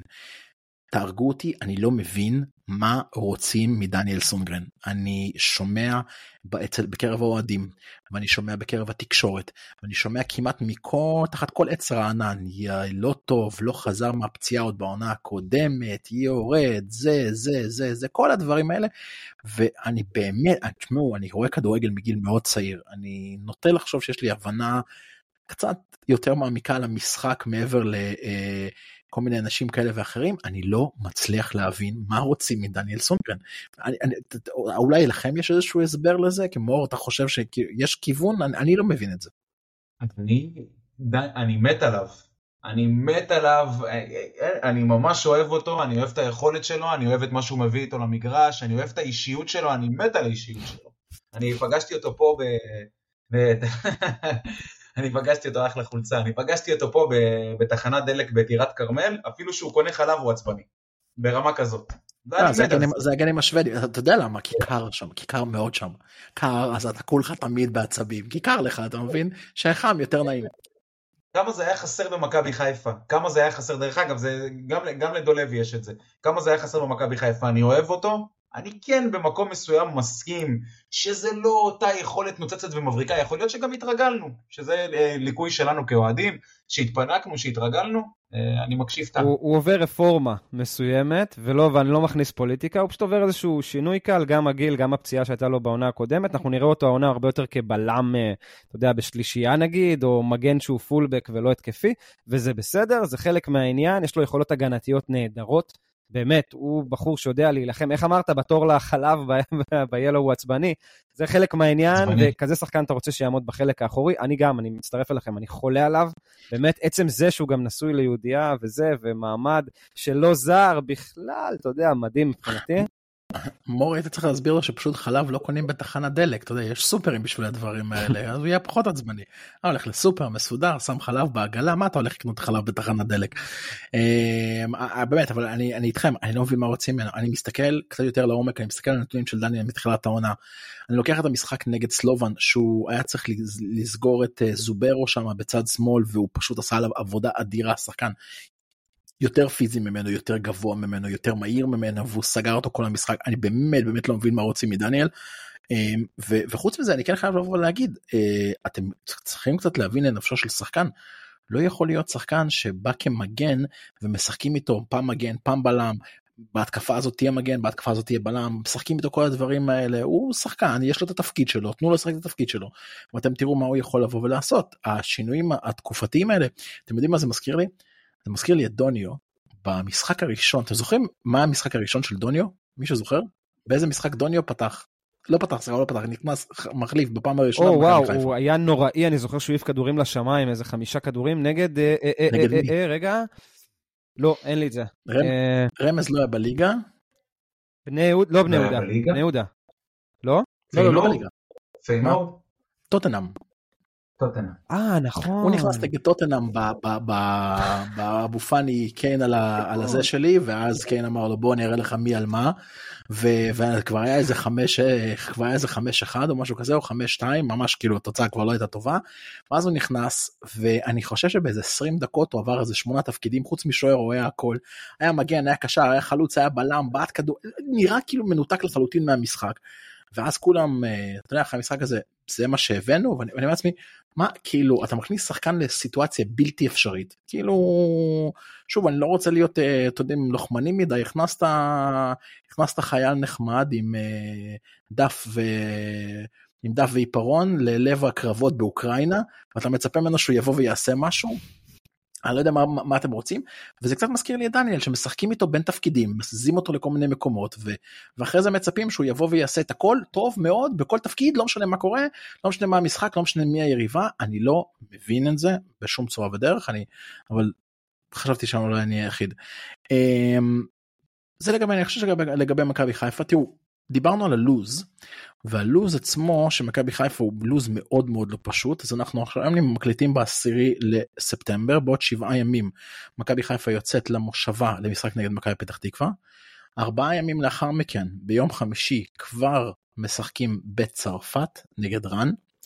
אמ, מי שטס כל הכבוד לו אני חוגג בת מצווה לבת שלי אמ, ואז אה, יום רביעי סכנין בסמי עופר.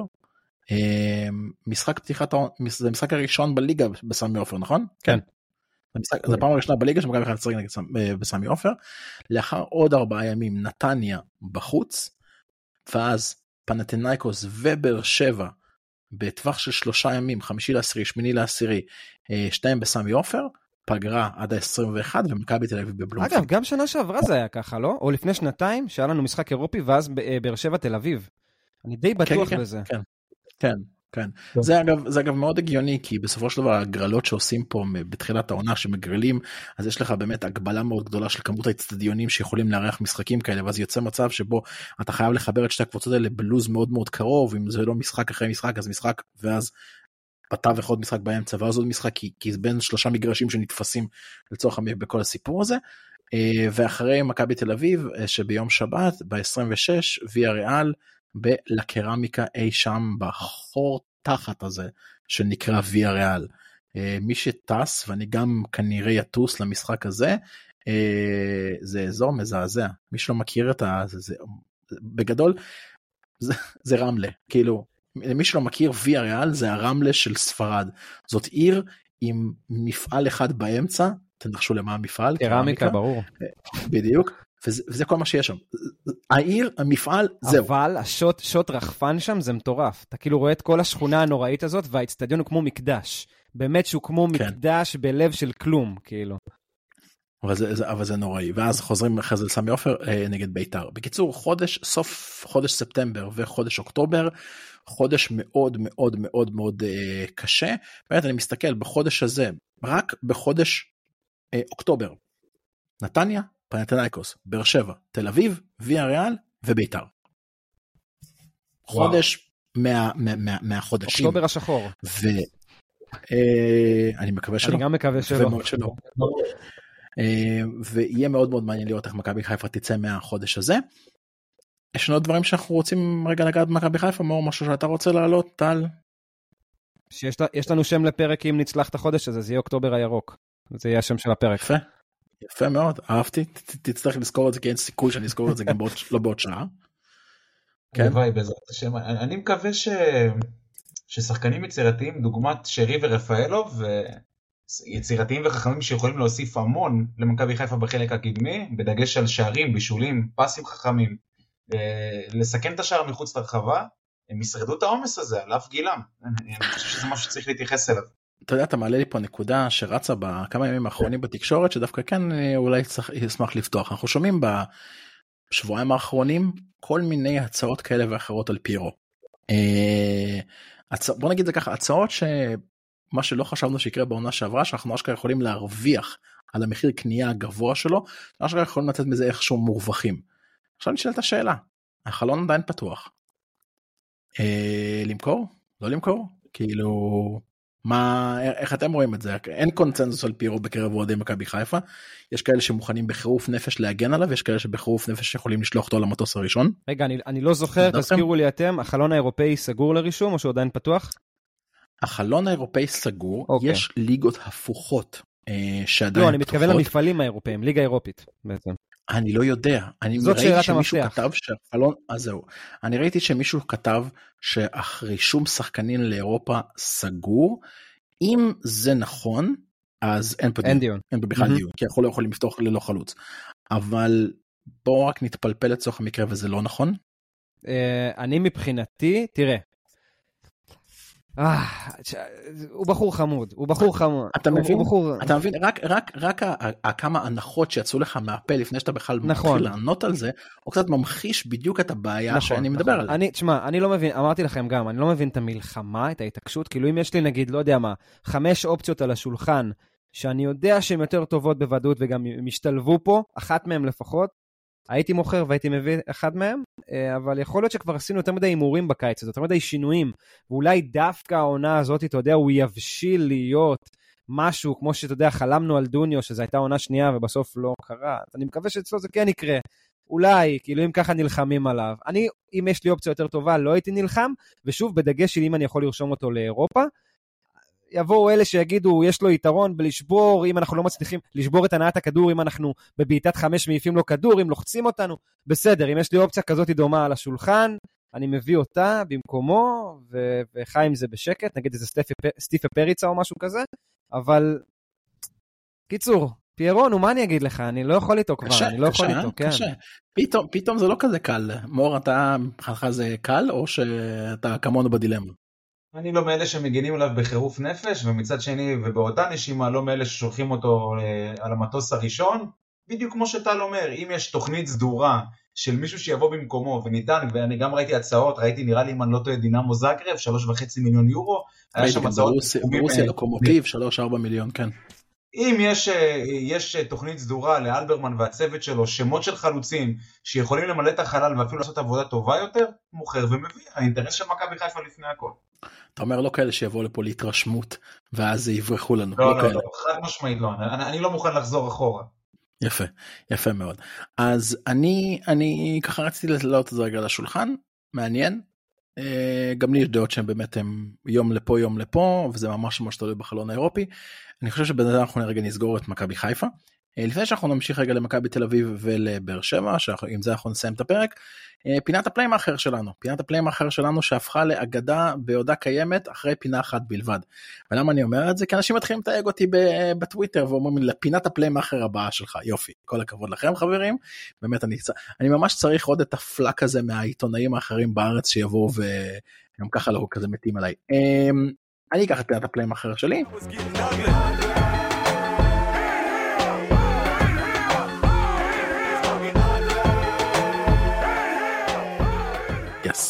אז uh, פינת הפליימאחר שלי היא כפולה היום. אז מי שבסוף השבוע קצת עקב אחרי הטוויטר uh, ראה שאיזשהו user רנדומלי ואני בכוונה מדגיש רנדומלי פרסם אה, התעניינות של אה, קבוצה מסעודיה בעבדולאי סק ספציפית קבוצת אל איטיפאק שמאמן אותה סטיבן ג'רארד ומשחקים בשחקנים כמו ג'ורדן הנדרסון אמ, והציוץ הוא כדלקמן. מכבי חיפה Senegal center back עבדולאי סק is on the short list of Saudi Arabia club Al Ettifaq, סטיבן ג'רד is willing to pay 10 million pounds for Seck. שזה מאוד מאוד יפה מי שלא הבין מועמד אה, ברשימה המצומצמת זה נקרא short list ברשימה המצומצמת של שחקנים שרוצים להביא והם מוכנים לשלם עליו 10 מיליון אה, pound. אמ, קודם כל מעבר לזה שה user עצמו הוא user לא מי יודע מה אמין הם באזור ה-600-700 עוקבים בסך הכל. אה, את, את המדינה Saudi Arabia הוא רשם במילה אחת וללא אותיות גדולות חשד ראשון. 10 מיליון pounds אני לא יודע למה הוא פתאום תמחר אותו ב pounds ל Saudi Arabia זה אמור להיות dollars. לא משנה לא הפריע לכתב מסוים ופה אנחנו בפינס לא מזכירים שמות לפרסם בריש גלי סטיבן ג'רארד מוכן לשלם 10 מיליון לירות סטרלינג עבור סק. דיווח, דיווח. אלה תיפאק הסעודית והמאמן האנגלי מעוניינים לצרף את הבלם הסנגלי של מכבי חיפה ביום האחרון של חלון במדינה, הירוקים, הירוקים לא מוכנים לשחרר. שיחה בין הירוקים לבין הכתב לא הייתה, אבל אה, זה יפה מאוד שאתה לוקח ציוץ רנדומלי, לא בודק אותו, וישר זורם איתו 10 מיליון.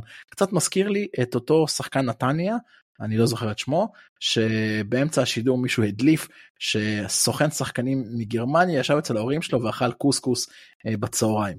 אה, מור אל תראה כזה מופתע, קרה, קרה דבר כזה. אה, ודיברו על זה בשידור. ואז אני ברוב תמימותי אמרתי וואלה ה template עובד ואני אנסה גם וכתבתי את הדבר הבא, הפועל חיפה's Israeli center forward גיא מלמד is on the short list of top Premier League club Liverpool FC. יורגן קלופ is willing to pay 15 million pounds for מלמד. והטוויטר איבד את זה. טוויטר איבד את זה לחלוטין כאילו זה ציוד שקיבל כמעט 12 אלף חשיפות ואנשים כאילו התחרפנו לחלוטין. אז זה קצת הטרלה מצידי נחמד. היום מתפרסמים סליחה אתמול התפרסמו הציונים זה, זה, זה חלק ראשון של הפינה חלק שני אתמול התפרסמו הציונים לגבי שחקני הנבחרת. אני עובר על הדף ציונים ואני מסתכל אני רואה נטע לביא 5.5 בציון שורה מתחתיו דור פרץ 6. ההסבר היה כדלקלמן הקשר השש האולטימטיבי ואולי גם היחיד בסגל אם מישהו חשב שהמעבר ליפן ייקח אותו כמה צעדים אחורה אז זה לא המצב מצד שני לא בלט. זה היה תיאור. עכשיו, קודם כל אני לא מבין למה בכלל התיאורמה הזאת של הקש... המעבר ליפן ייקח אותו אחורה לא ברור לי זה המשך הזלזול של מי זה גם באוסקה. אה, ומצד שני לא בלט כאילו הקדלקלמן הקצעקתה מה על מה אתם מדברים אה, וגם זה עשה הרבה בלאגן כאילו בטוויטר מעל 15 אלף חשיפות. משה פרימו הגיב ואמר אבל אני נתתי לו שבע אמרתי לו יופי כל הכבוד אה, פרשן אחד שאשכרה ראה את המשחק כמו שהוא ולא זה. שכחת לציין אה, שהפרשנות הזאת הציונים יצאו בערך שנייה לפני שהשופט אה, שרק לסיום. כאילו יפה. זה היה כן, מוכן. זה היה מוכן. יש לי, יש לי הרגשה שזה היה מוכן גם לפני שהשופט שרק. לפתיחת המשחק. יפה מאוד. יפה מאוד. אז זה פינת הפליימאחר שלנו להיום חברים אתם יודעים מה אנחנו חושבים על כל התרבות תקשורת הזאת ובואו נעבור שנייה רגע מה אתה אומר? פשוט חרפה, כאילו זה פשוט חרפה, עזוב. לא, אתה יכול, תן לנו את זה, כאילו, תהיה, יש לך משהו להגיד פה בנושא, בבקשה. זה, זה כאילו, זה לא, זה לא אמיתי. בוא, זה לא אמיתי. זה הזוי, זה הזוי. אתה יודע, אני יושב ותוהה עם עצמי כל כך הרבה פעמים פר שבוע. איזה אנשים מקבלים מיקרופון? איזה אנשים מקבלים פלטפורמות מרכזיות להוציא את ההבל פה שלהם בפרהסיה? כאילו, זה לא אמיתי. זה פשוט הזוי. למה אנחנו יודע? צריכים לסבול את זה? אתה יודע, זהו, זה, זה, אני חושב שזה זלזול באוהדים, ואתה יודע מה מקומם? מקומם שיש הרבה אנשים נהדרים שצריכים לקבל את הפלטפורמה, צריכים לקבל את המיקרופון, צריכים לקבל את הדף ועט, וצריכים לקבל את האופציה לכתוב את זה, והם לא שמה, ובגלל כל מיני שיקולים כאלה ואחרים אנחנו מזלזלים בהם, מזלזלים באינטליגנציה שלנו. אני אשכרה מסיים משחק, בוא, בוא, אתם יודעים מה? זה לא מהמשחקים שבהם אתה צריך לבוא ולחפור בתוך הנתונים ולבוא ולראות שהוא השלים ככה וככה מאבקים ועשה כזה דבר ופה ושם.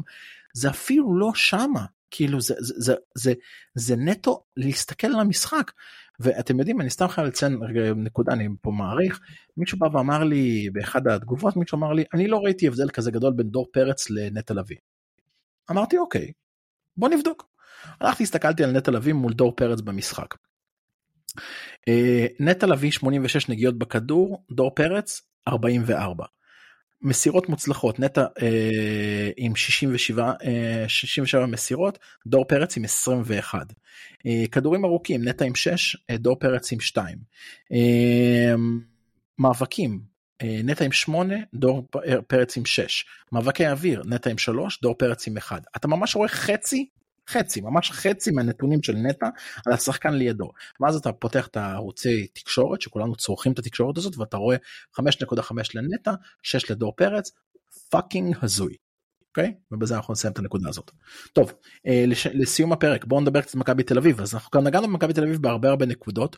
לוז קל, אה, אבל אי אפשר להתכחש לעובדה שמשהו, לפחות מבחינה מנטלית, מבחינה פסיכולוגית, השתנה בקיץ במכבי תל אביב. חד משמעית. יש שם בילדאפ מאוד מאוד אה, יפה עד עכשיו. נראה שמנספורד עושה סדר. איך אמרנו בפרקים ש... שהתחילו את הקיץ? כשברק יצחקי עזב, אנחנו ממש היינו עצובים, כי ידענו שהוא ח...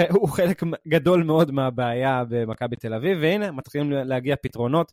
גם אה, אה, רובי קין, נראה בחורצ'יק אה, לא רע על הקווים.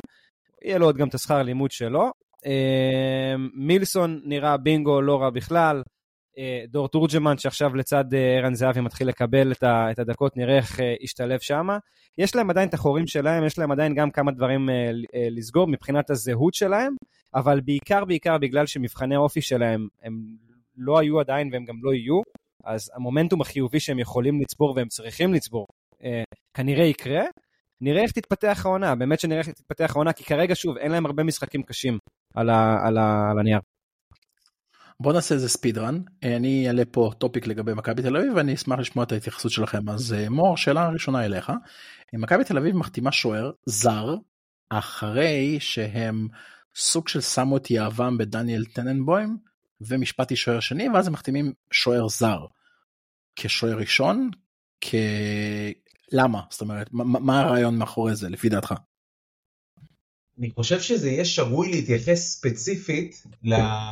להחתמה של השוער, ולא להסתכל על ההחתמה של השוער כסימפטום שהוא חלק מתופעה כללית רחבה, וזה שבמכבי תל אביב כיום רב הנסתר על הגלוי. זאת אומרת, נכון, מילסון רואים את הכישרון שיש לו, אה, והם מאוד מאוד בונים על יונתן כהן, ששנה שעברה הגיע והיה קטסטרופלי, ומאוד מאוד בונים על ערן זהבי, שיש פה גם עניין של גיל, ובסוף שנה שעברה במבחן התוצאה הוא לא הצליח לסחוב את מכבי תל אביב לתארים, אז יש פה הימור מאוד מאוד גדול. לפי דעתי מכבי תל אביב העונה זה פשוט תהיה סקנדל או פסטיבל, אה, ואני מקווה שבניגוד לעונה שעברה, העונה בעזרת השם יתברך, הכישלון שלהם יקבל הרבה יותר תהודה.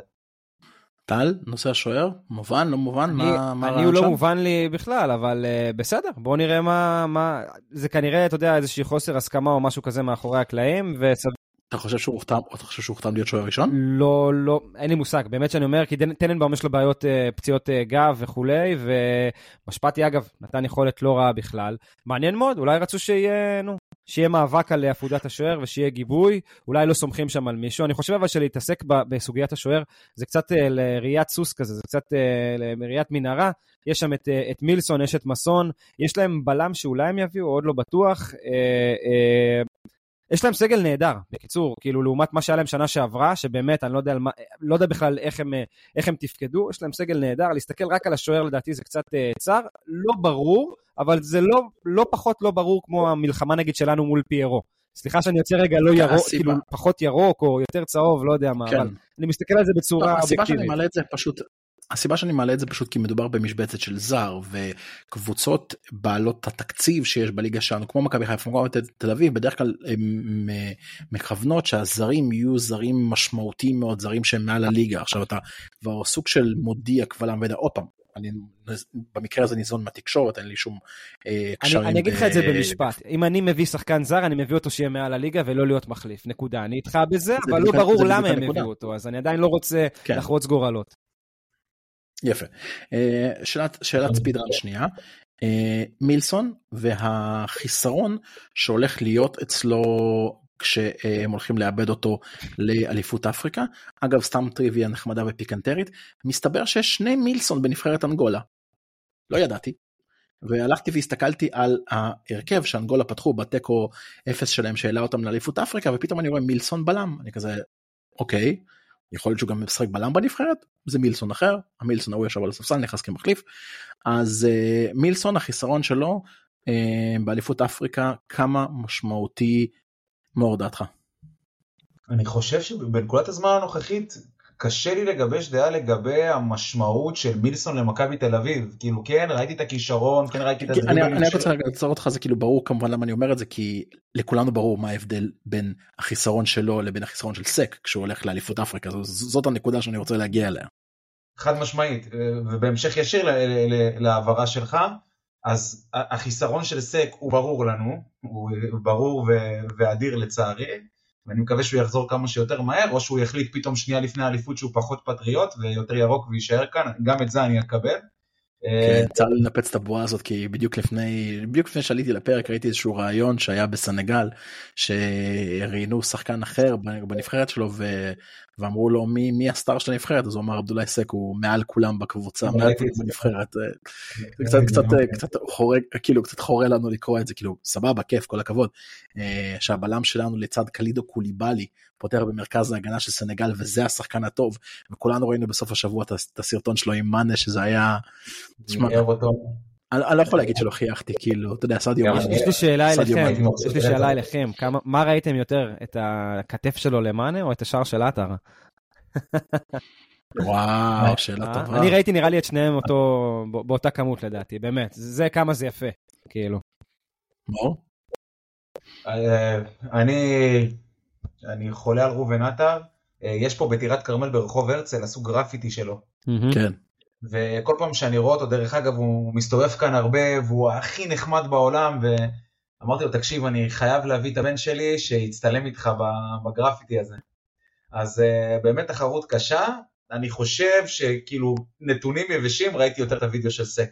פשוט זה היה מדהים לראות איך הוא מנער אותו. דרך אגב, אה, אני, אני, אני יכול להבין הרבה אוהדים שממש האמינו לציוץ הזה, כאילו מבחינת הסכום והכל, כאילו זה היה נשמע להם הגיוני, ש, שקבוצה בערב הסעודית תרצה לשלם על סק 10 אה, מיליון אה, דולר, אני, אני יכול להבין את זה. מסוג השחקנים שאתה לא יודע איך הם הגיעו לפה, הוא נפל מקונטיינר, לא יודע, משהו, איך, איך, כן. איך. אני, אני, אני, אני איתכם, כן? תראו, אני בדיוק מצייץ תוך כדי שאנחנו בפרק, שאלה נהדרת לכל הפיד הירוק. מה ראיתם יותר, מה ראיתם יותר בסוף? תן את הקרדיט, תן את הקרדיט. מה ראיתם יותר בסופש? את הגולד של עטר? או את הכתף של סק? בוא נראה בוא נראה אולי אולי עד אולי בדקות הקרובות יהיה לנו תגובות או את הכתף של סק למאנה. אה, קרדיט ל... איך אתה מופיע איך אתה מופיע? אני אסגור אה, אני אשלח לך.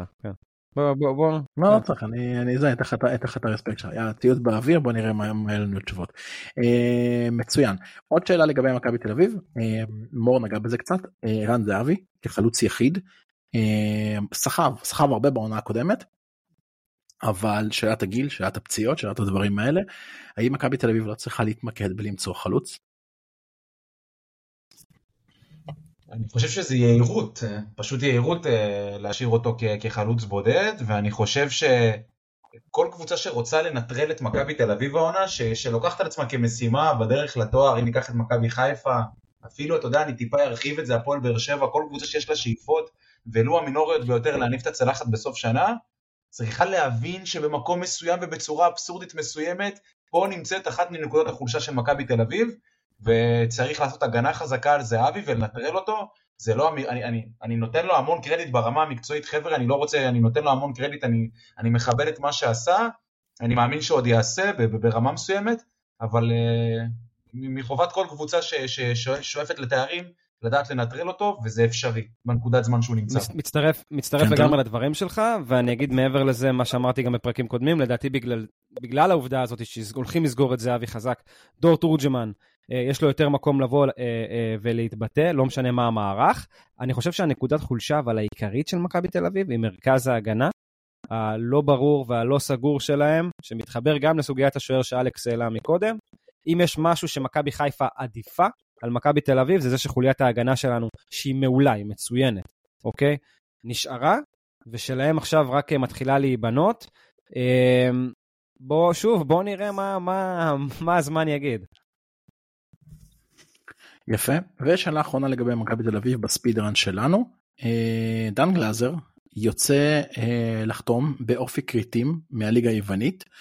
אה, רלוונטי, לא רלוונטי, פוגע, לא פוגע, אני, איך אתם רואים ספציפית את המעבר הזה? אני חושב שזה מתחבר קצת למה שדיברת מקודם, על גרזן, ממש בחלקים הראשונים של הפרק. גלאזר הוא קצת קשר כזה מהסוג הישן, שיכול להיות שהמערכת במכבי תל אביב קצת פחות אהבה, אולי גם עם הדומיננטיות, ה over דומיננטיות בחדר הלבשה. אמ, הוא בחור שאתה יודע, לחלץ כדור ומסירות לרוחב, אם בא לך כדורגל קצת יותר אטרקטיבי ומגניב, כמו שמנסים לבנות דרך ונוברהיים ו- ודור פרץ, קניקובסקי ו- וכאלה.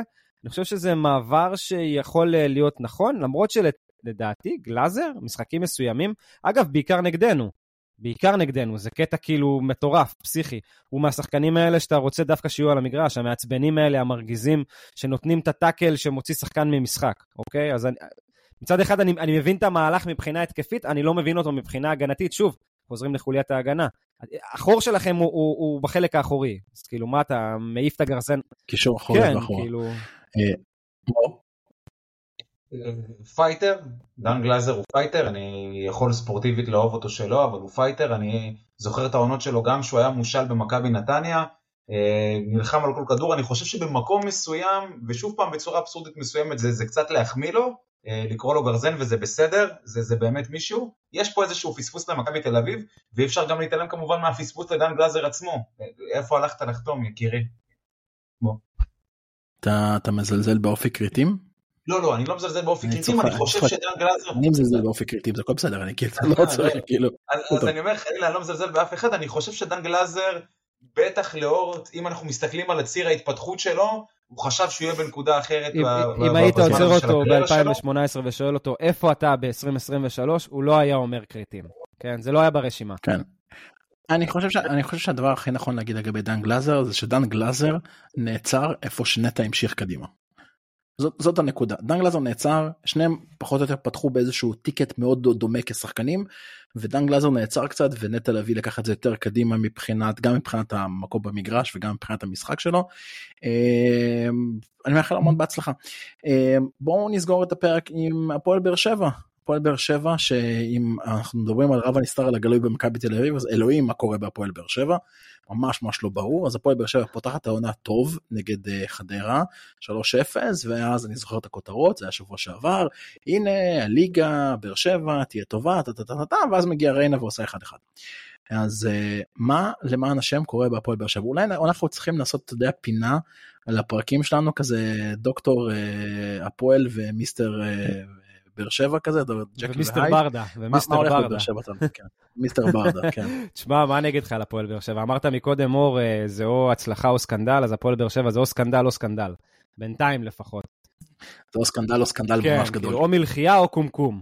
כאילו, תשמע, מה אני אגיד לך? אה, למה אתה מדבר על מלחיות או קומקום? סיבה מסוימת? רגע, מי זה היה? מי זרק את הקומקום? זה היה צ'וסווה, נכון? כן, כן, כן. כן. טוב, נו. וספורי בסוף נשאר, נראה, אה. הוא לא חותם בטורקיה. זהו, היית צריך להגיד- או- קומקום או כן, לוח או בש, זה. אחד מהשניים. לא, אבל הייתה גם מלחייה נראה לי באחד מהפייטים הקודמים, לא משנה. יכול להיות שגם הרבה דברים עפו כן, שם באוויר. קוביות וזה. אה, תשמע, הפועל באר שבע זו פתיחה שאתה יודע, אתה מחתים את כל השחקנים הזרים על ההתחלה, אני לא יודע מי הביא אותם, מי הסקאוט, מי כיוון, בכלל בשנים האחרונות, לא רק פתיחת עונה הזאת. אה, אתה יודע, אתה פותח את העונה ואומר, הנה, אלה כל הזרים שלי, ואתה מסתכל ואתה אומר, מה הזרים? אתה, כאילו, אתה, יש לי פה שחקן בליגה יותר טוב. כאילו, מאיפה הבאת אותו ולמה הבאת אותו?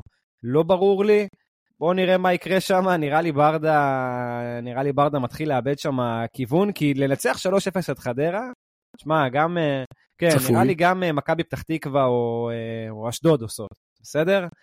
כן. חדרה זה הלוטון של הליגה שלנו. אה, מור, אה, הפועל באר שבע סגרו את הסגל שלהם מאוד מאוד מהר בקיץ. עשו עשו יאני מכבי חיפה שנה שעברה, עשו יאני בכר, אבל אולי הפוך. עשו יאני בכר בלי היכולות של המחלקת scout שהייתה לבכר. אז כן. כן. בואי אלונה תתעוררי, את משקיעה לא מעט כסף במועדון, והמחלקת scout שלך עושה פדיחות מגמתית, אז תתאפסי, תראי מה קורה שם, אולי רצו איזה בדק בית. אה, ואם נתייחס שנייה טיפונת יותר לעומק למה שקורה בהפועל באר שבע, אז אני חושב שיש פה איזשהו שכר לימוד של יניב ברדה, על אף שאני מאוד מאוד אוהב אותו, נראה לי שההצלחה היחסית בעונה הקודמת באה לו יותר מדי בקלות, והוא השנה מגלה את המורכבות אה, של הכדורגל מהפוזיציה של המאמן. כן, כי אתם יודעים, ברדה, אה, הרבה, מאוד אוהדים של הפועל באר שבע בעונה שעברה, אמרו תמיד את המשפט הזה, טוב לנו מאוד שלא מחשיבים אותנו במאבק האליפות. טוב, שלא מדברים עלינו, זה מצוין, טוב לנו, אל תדברו עלינו, דברו על מכבי חיפה, דברו על מכבי תל אביב, דברו על כל פרויקט שובו בנים של מכבי תל אביב בעונה שעברה, דברו על מכבי חיפה והעומסים שלהם, ליגת אלופות וכל הדברים האלה, והירידה והעלייה וסבא ואצילי ופיירו, ודברו על זה, אל תדברו עלינו, אנחנו נהיה שם נזדנב מאחור וברגע האחרון נעקוץ. זה יכול להיות טוב, אבל זה לא יכול להחזיק, כי מגיע קיץ ואתה אומר אוקיי, לא דיברו אליכם, אבל עכשיו הולכים לדבר עליכם, עכשיו אתם נמצאים תחת הזכוכית מגדלת, תחת הזרקור, מתחילים לדבר, ואני חושב שברגע שמתחילים לדבר עליהם, אז אתה רואה את הדברים מתחילים ממש ממש, אתה יודע, ליפול ולהישבר, ואני מסכים עם מה שאתה אומר, הם באמת באמת באמת צריכים לעשות איזשהו בדק בית, איזושהי מחשבה אה, קצת יותר אה, מעמיקה לגבי מה שקורה שם. אה, השאלה אם זה לא מאוחר מדי, זאת אומרת אנחנו מדברים פה על עשרה, עשרה ימים, תשעה ימים לסגירת החלון הישראלי, כאשר החלון האירופי סגור, עם שחקנים שמאוד קשה להביא שחקן זר ואז לשחרר אותו באותו קיץ שהבאת אותו. השאלה היא מה בכלל אפשר ו- לעשות שם, ולא רק זה, יש משהו לא רק זה, הם? גם תקועים עם אה, עוזר מאמן, שבדיוק אה, פרש או עזב זמנית את הענף, ושחקנים מאוד מבוגרים ופציעים, מאוד מבוגרים ופציעים. אוקיי, שחקנים שלך תדע אם יחזיקו בכלל את העומס של העונה, ואין להם אירופה, אוקיי? מה קורה פה? סתם, אז, אז יש, יש מה לעשות לפי דעתך? יש, יש דרך להציל את אני הדבר הזה? חושב שלא. כן, וברמה הלוגיסטית אין לא. כל כך מה לעשות, אבל אני חושב שחלק ניכר מהפתרון זה בראש ובראשונה ההבנה, מה שנראה כרגע שאין כל כך שם. הם צריכים להבין קודם כל מה אני, שקורה אני, שם. אני אגיד משהו כן. ש, שבאמת, ראיתי כמה משחקים של באר שבע, לצערי הרב עשיתי את זה, כי אין שם כדורגל, וסליחה שאני אומר את זה ככה, זה נשמע מזלזל, כי כאילו אני מגיע כאוהד חיפה, אבל אין כדורגל. אני ראיתי באמת את ברדה עושה קצת טעויות של, אה, של ילד, כאילו, או מה שאמרת, שכר לימוד, ושוב, סליחה שזה מגיע מזלזל, אבל אליאס וגורדנה הם קשרים לא כאלה טובים להניע כדור בחלק האחורי. רמזי ספורי, כבר דיברתי על זה, הוא לא טוב גם בלרדת ולקבל כדור, הוא די מחכה על החצי. התבנית הנעת כדור הזאת לא מחמיאה, אוקיי, עם השלושה בלמים, השלוש, שתיים, ארבע, אחד הזה שהוא ניסה לעשות, זה לא כל כך מחמיא, אתה לא מצליח להוציא כדור מההגנה ואתה מזמין את ההתקפות. זה מה שקרה נגד מכבי תל אביב משם, השישייה, וכל שאר המשחקים נראו אותו דבר. הוא לא הצליח להניע כדור נגד קבוצות חלשות בהרבה ממכבי תל אביב, וזה בולט לעין, וכשהוא ניסה לפתור את זה עם רביעייה הגנתית, זה גם לא כל כך עבד. אז כאילו, זה גם האיכות של השחקנים שלא כל כך באה לידי ביטוי, וגם ש- משהו שהמאמן עדיין לא הבין, הוא נמצא במשבר הגדול הראשון שלו בתור מאמן, ומעניין מאוד כן. לראות איך הוא יצא. כאילו. יש שם נאיביות, יש בהפועל באר שבע נאיביות. זה כאילו, אם, אם אני אדמה את זה, אני אתן לך מטאפורה, אדם שבא ל, ל, למסלול מכשולים סופר מורכב, עם איזשהו חבל פשוט וחושב שבסופו של דבר יהיה בסדר והוא יעבור את זה לכל הפחות בהצלחה יחסית. חד משמעית, ואני, ארים לך אז- אפילו עוד יותר. אם שי אליאס או גורדנה נגיד, או עדן שמיר במכבי חיפה או במכבי תל אביב, תבנית הנעת הכדור בחיים לא תעבור דרכם. בחיים היא לא תעבור דרכם, כי אנחנו יודעים איזה שחקנים הם, לעומת עלי מוחמד או דור פרץ ושחקנים כאלה. אתה מבין למה אני מתכוון? אז האמצעים שהם משתמשים בהם הם אמצעים לא נכונים, הם לא טובים אם הם רוצים להיות top שלוש בארץ, אוקיי? אז זהו שה top שלוש בארץ הוא קצת משקר כי אתה תהיה top שלוש בארץ בגלל מצב הליגה זה קצת קצת קצת משקר אני לא חושב שבאר שבע שואפים להיות top שלוש העונה יהיה בארץ. נראה לי, אנחנו די אבל- בטוחים שיהיה top 2 והמקום השלישי, כן? ושאפילו המקום השלישי כרגע לבאר שבע הוא קצת בעייתי, אוקיי? כן. מור אני אכניס אותך לפינה לפינה קשה מאוד בתור זה שצריך ללחוש לברדה על האוזן חוץ מה תבין מה המצב וחוץ מכאילו תתאפס רגע שנייה לוגיסטית מה יש איזה משהו פרקטי שאתה חושב שאפשר לעשות שם? וואו, אה, באמת שאלה מורכבת. אמרתי אה, שאלה קשה. אני חושב שהוא צריך ללמוד את המשחק טיפה יותר טוב, אני מצטער שאני אומר את זה, אני באמת מצטער שאני אומר את זה, יכול להיות שזה, אתה יודע, אה, לא כל כך ממקומי, אבל אני חושב שלברדה יש ליקויים בבסיס שלו כמאמן. כן אני אני אני כאילו מפחד לבוא ולהגיד אני אגיד לכם רגע את הזווית שלי אני מפחד לבוא ולהגיד את זה לפעמים צריך צריך לשרוף עונה כאילו את- אתם מבינים מה אני אומר? לפעמים. צריך לשרוף עונה לפעמים אתה צריך לפעמים אתה צריך לבוא ולהגיד אוקיי לא הלך. אה, ליגה הם, הם לא ירדו ליגה הם יהיו בפלייאוף העליון בסדר? אה, אולי זה הזמן לבוא ולתת לכל מיני שחקנים יותר צעירים יותר מעניינים לבוא ולהוכיח את המקום שלהם להתמודד עם זה באורך כל העונה אתה תעלה אתה תרד אתה תנצח את רוב הקבוצות הקטנות אתה סביר להניח תפסיד לרוב הקבוצות היותר גדולות אבל לפחות אתה יכול אולי לצאת מהעונה הזאת עם כמה אבני יסוד טובים שיכולים ללוות אותך קדימה. אה, כל מיני יוני סטויאנוב, אה, ג'אנח, כל מיני שחקנים כאלה. אה, זה קשה מאוד, אני, אני כאילו, אני מודע בדיוק למה שאני אומר, זה אני קשה מאוד. שבע לא הייתי מקבל את זה. זהו, זה בדיוק מה שאני רוצה להגיד, קשה מאוד לבוא ולהגיד את זה אחרי שני משחקים בלבד בליגה, ואחרי זה שהפועל באר שבע היא בעצם רלוונטית כקבוצת צמרת כבר 7-8 שנים לפחות, נכון? מאז מהמם. תקופת אלישע? כן. כן. אלכס, זה, אני כאוהד הפועל באר שבע הייתי מסרב לקבל את זה מהסיבה הפשוטה שאם אני מכניס את עצמי לנעליים של אוהד הפועל באר שבע, לא לשם כך התכנסנו. אבל יש בעיה בשלד, לא יש בעיה בשלד. אין להם ברירה. זה בדיוק ברור. הנקודה. ברור. זה בדיוק הנקודה אני מסכים איתך לגמרי מור זה קשה מאוד לקבל את זה וגם אני אם אתה יודע אם אני שנייה עושה היפוך תפקידים וזה היה קורה למכבי חיפה והיינו באמת נכשלים קטסטרופלית בקיץ הזה עם כל הזרים שהיינו מביאים וכל הדברים האלה גם אני כאוהד מכבי חיפה לא הייתי מקבל את זה. לא הייתי בא ואומר טוב תשרפו את הליגה. יש קווים מקבילים למכבי חיפה, להבדיל אה, אה, אלפי הבדלות, יש את כל העניין סביב המאמן, שאתה נכון. אמרת מקודם בתחילת הפרק, אל תפחד, תנסה בליגה, תרוץ קדימה, ויבואו לא מעט מאוהדי מכבי חיפה ויגידו לך, יקירי, אנחנו 30 אלף מנויים, אנחנו 30 אלף שממלאים את האיצטדיון, אנחנו עשינו אה, אה, אה, שלוש אליפויות רצוף, אנחנו השתתפנו במפעלים האירופאים המכובדים ביותר, לא, אנחנו לא מקבלים את זה. מה זאת אומרת מאמן שיבוא ויעשה ניסיונות? אנחנו אוהדי מכבי חיפה דורשים פיגורה חד משמעית על הקווים. אתה מבין? אותם הדברים אמורים ברזולוציות קטנות יותר לגבי הפועל באר שבע. יש מתקן, יש בעלים בניין יחסי לשאר הבעלים בליגה הישראלית עם כסף, יש אה, איזשהו בסיס של קהל אוהדים, וואלה, לא רוצים לשרוף עונה, לא רוצים לעשות ניסיונות. שמישהו יבוא ויגיד לנו את הדברים שחור על גבי לבן. המאמן שלנו הוא מעט נאיבי וקצת יותר ממעט חסר ניסיון, מחלקת הסקאוט שלנו עשתה פדיחה, בגלל זה אנחנו נמצאים במצב שאנחנו נמצאים, ואנחנו עושים הכל על מנת לתקן אותו לשם כמה זה שיותר. הולך, כבר ראינו את ברדה רב עם מועד, טרנר, שהיה כוח מאוד מאוד גדול בעונות היפות. עכשיו הקהל עובר את גיל ההתבגרות והוא הופך להיות נקודת uh, חולשה. אתה יודע, כל האקוסטיקה הנהדרת כששורקים בוז נשמעת ממש טוב. ממש ממש ממש טוב. כן. כן, במגרש הזה יש כן, אחלה אז אקוסטיקה. uh, זה חלק מזה, וכנראה, מה זה כנראה? לשם זה הולך, כאילו, אנחנו רואים את זה משחק אחרי משחק אחרי משחק אחרי משחק. כל פעם מישהו בא ואומר, אולי הכדור הזה יפסיק להתגלגל, אבל הוא ממשיך, ממשיך להתגלגל, וצובר עוד שלג עליו, ולך תדע לאן זה, לאן זה יוביל ולאן זה ייגמר, כי העוזר מאמן כבר לא שם, וכמו שאמרנו, הסקאוט כבר נכשל, בואו נראה לאן זה ילך. כן. לא לא מבטיח טובות ו- ונחרצות אבל אנחנו אתה יודע remains to be seen אני חושב שהפגרה בוא נראה איך, איך כולם יחזרו מהפגרה הזאת. טוב אני חושב. שתהליך גדילה של מועדון זה לא רק אה, לריב עם שחקני מכבי חיפה על הדשא, יש עוד כמה דברים שצריך לעשות. מסתבר. מסתבר שזה לא הכל בחיים כן זה גם זה איזשהו שכר לימוד שצריך ללמוד כקבוצה. אה, ברור אה, ואחרי זה לבוא ולהגיד אבל נגד מכבי תל אביב זה לא קורה לנו.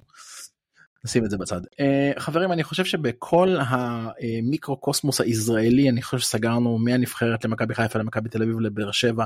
אני מצער ואומר שאני בא לי לדבר על עוד קבוצות בא לי לדבר על נתניה בא לי לדבר על פתח תקווה בא לי לדבר על חדרה אפילו על חדרה בא לדבר אבל אני צריך אוהדים שיבואו ויעלו איתנו ויספרו לנו מה קורה בתוך הקבוצה שלהם כי וואלה uh, אני לא מספיק יודע ואני לא מספיק רוצה לבוא ולהגיד דברים שאני לא יודע אותם. Um, אני חושב שאנחנו נסיים בנקודה הזאת. שעה וחצי זה אחלה רכבת אה, קריות תל אביב יש זמן נהדר אה, לשמוע את הפרק מחר על הבוקר אני רוצה להגיד לכם חברים תודה רבה על פרק נהדר. אמ, אנחנו זה רק ספורט. אה, תירשמו בכל מיני פלטפורמות שאתם מאזינים להם ספוטיפיי אפל פודקאסט גוגל פודקאסט. תעשו subscribe תקשיבו לפודקאסט שלנו תגיבו ברשתות תעקבו אחרינו בכל מיני רשתות שיש לנו אה, בעולם של ה social media בין אם זה בפייסבוק באינסטגרם בטוויטר. אמ, וזה הכל. חברים תודה רבה טל תודה רבה מור איזה כיף שהיית איתנו אני רוצה עוד פרקים ממך. אמ, אני חושב שזה ברור לך נכון? בשמחה. מעולה. יש תקרא לי לדגל אני מתייצב. אני שמח לשמוע ואני אקרא לך בחפץ לב ועוד הרבה. חברים שיהיה לילה טוב כמו שאני תמיד אומר בסוף כל פרק מעולם לא יותר טוב. יאללה ביי.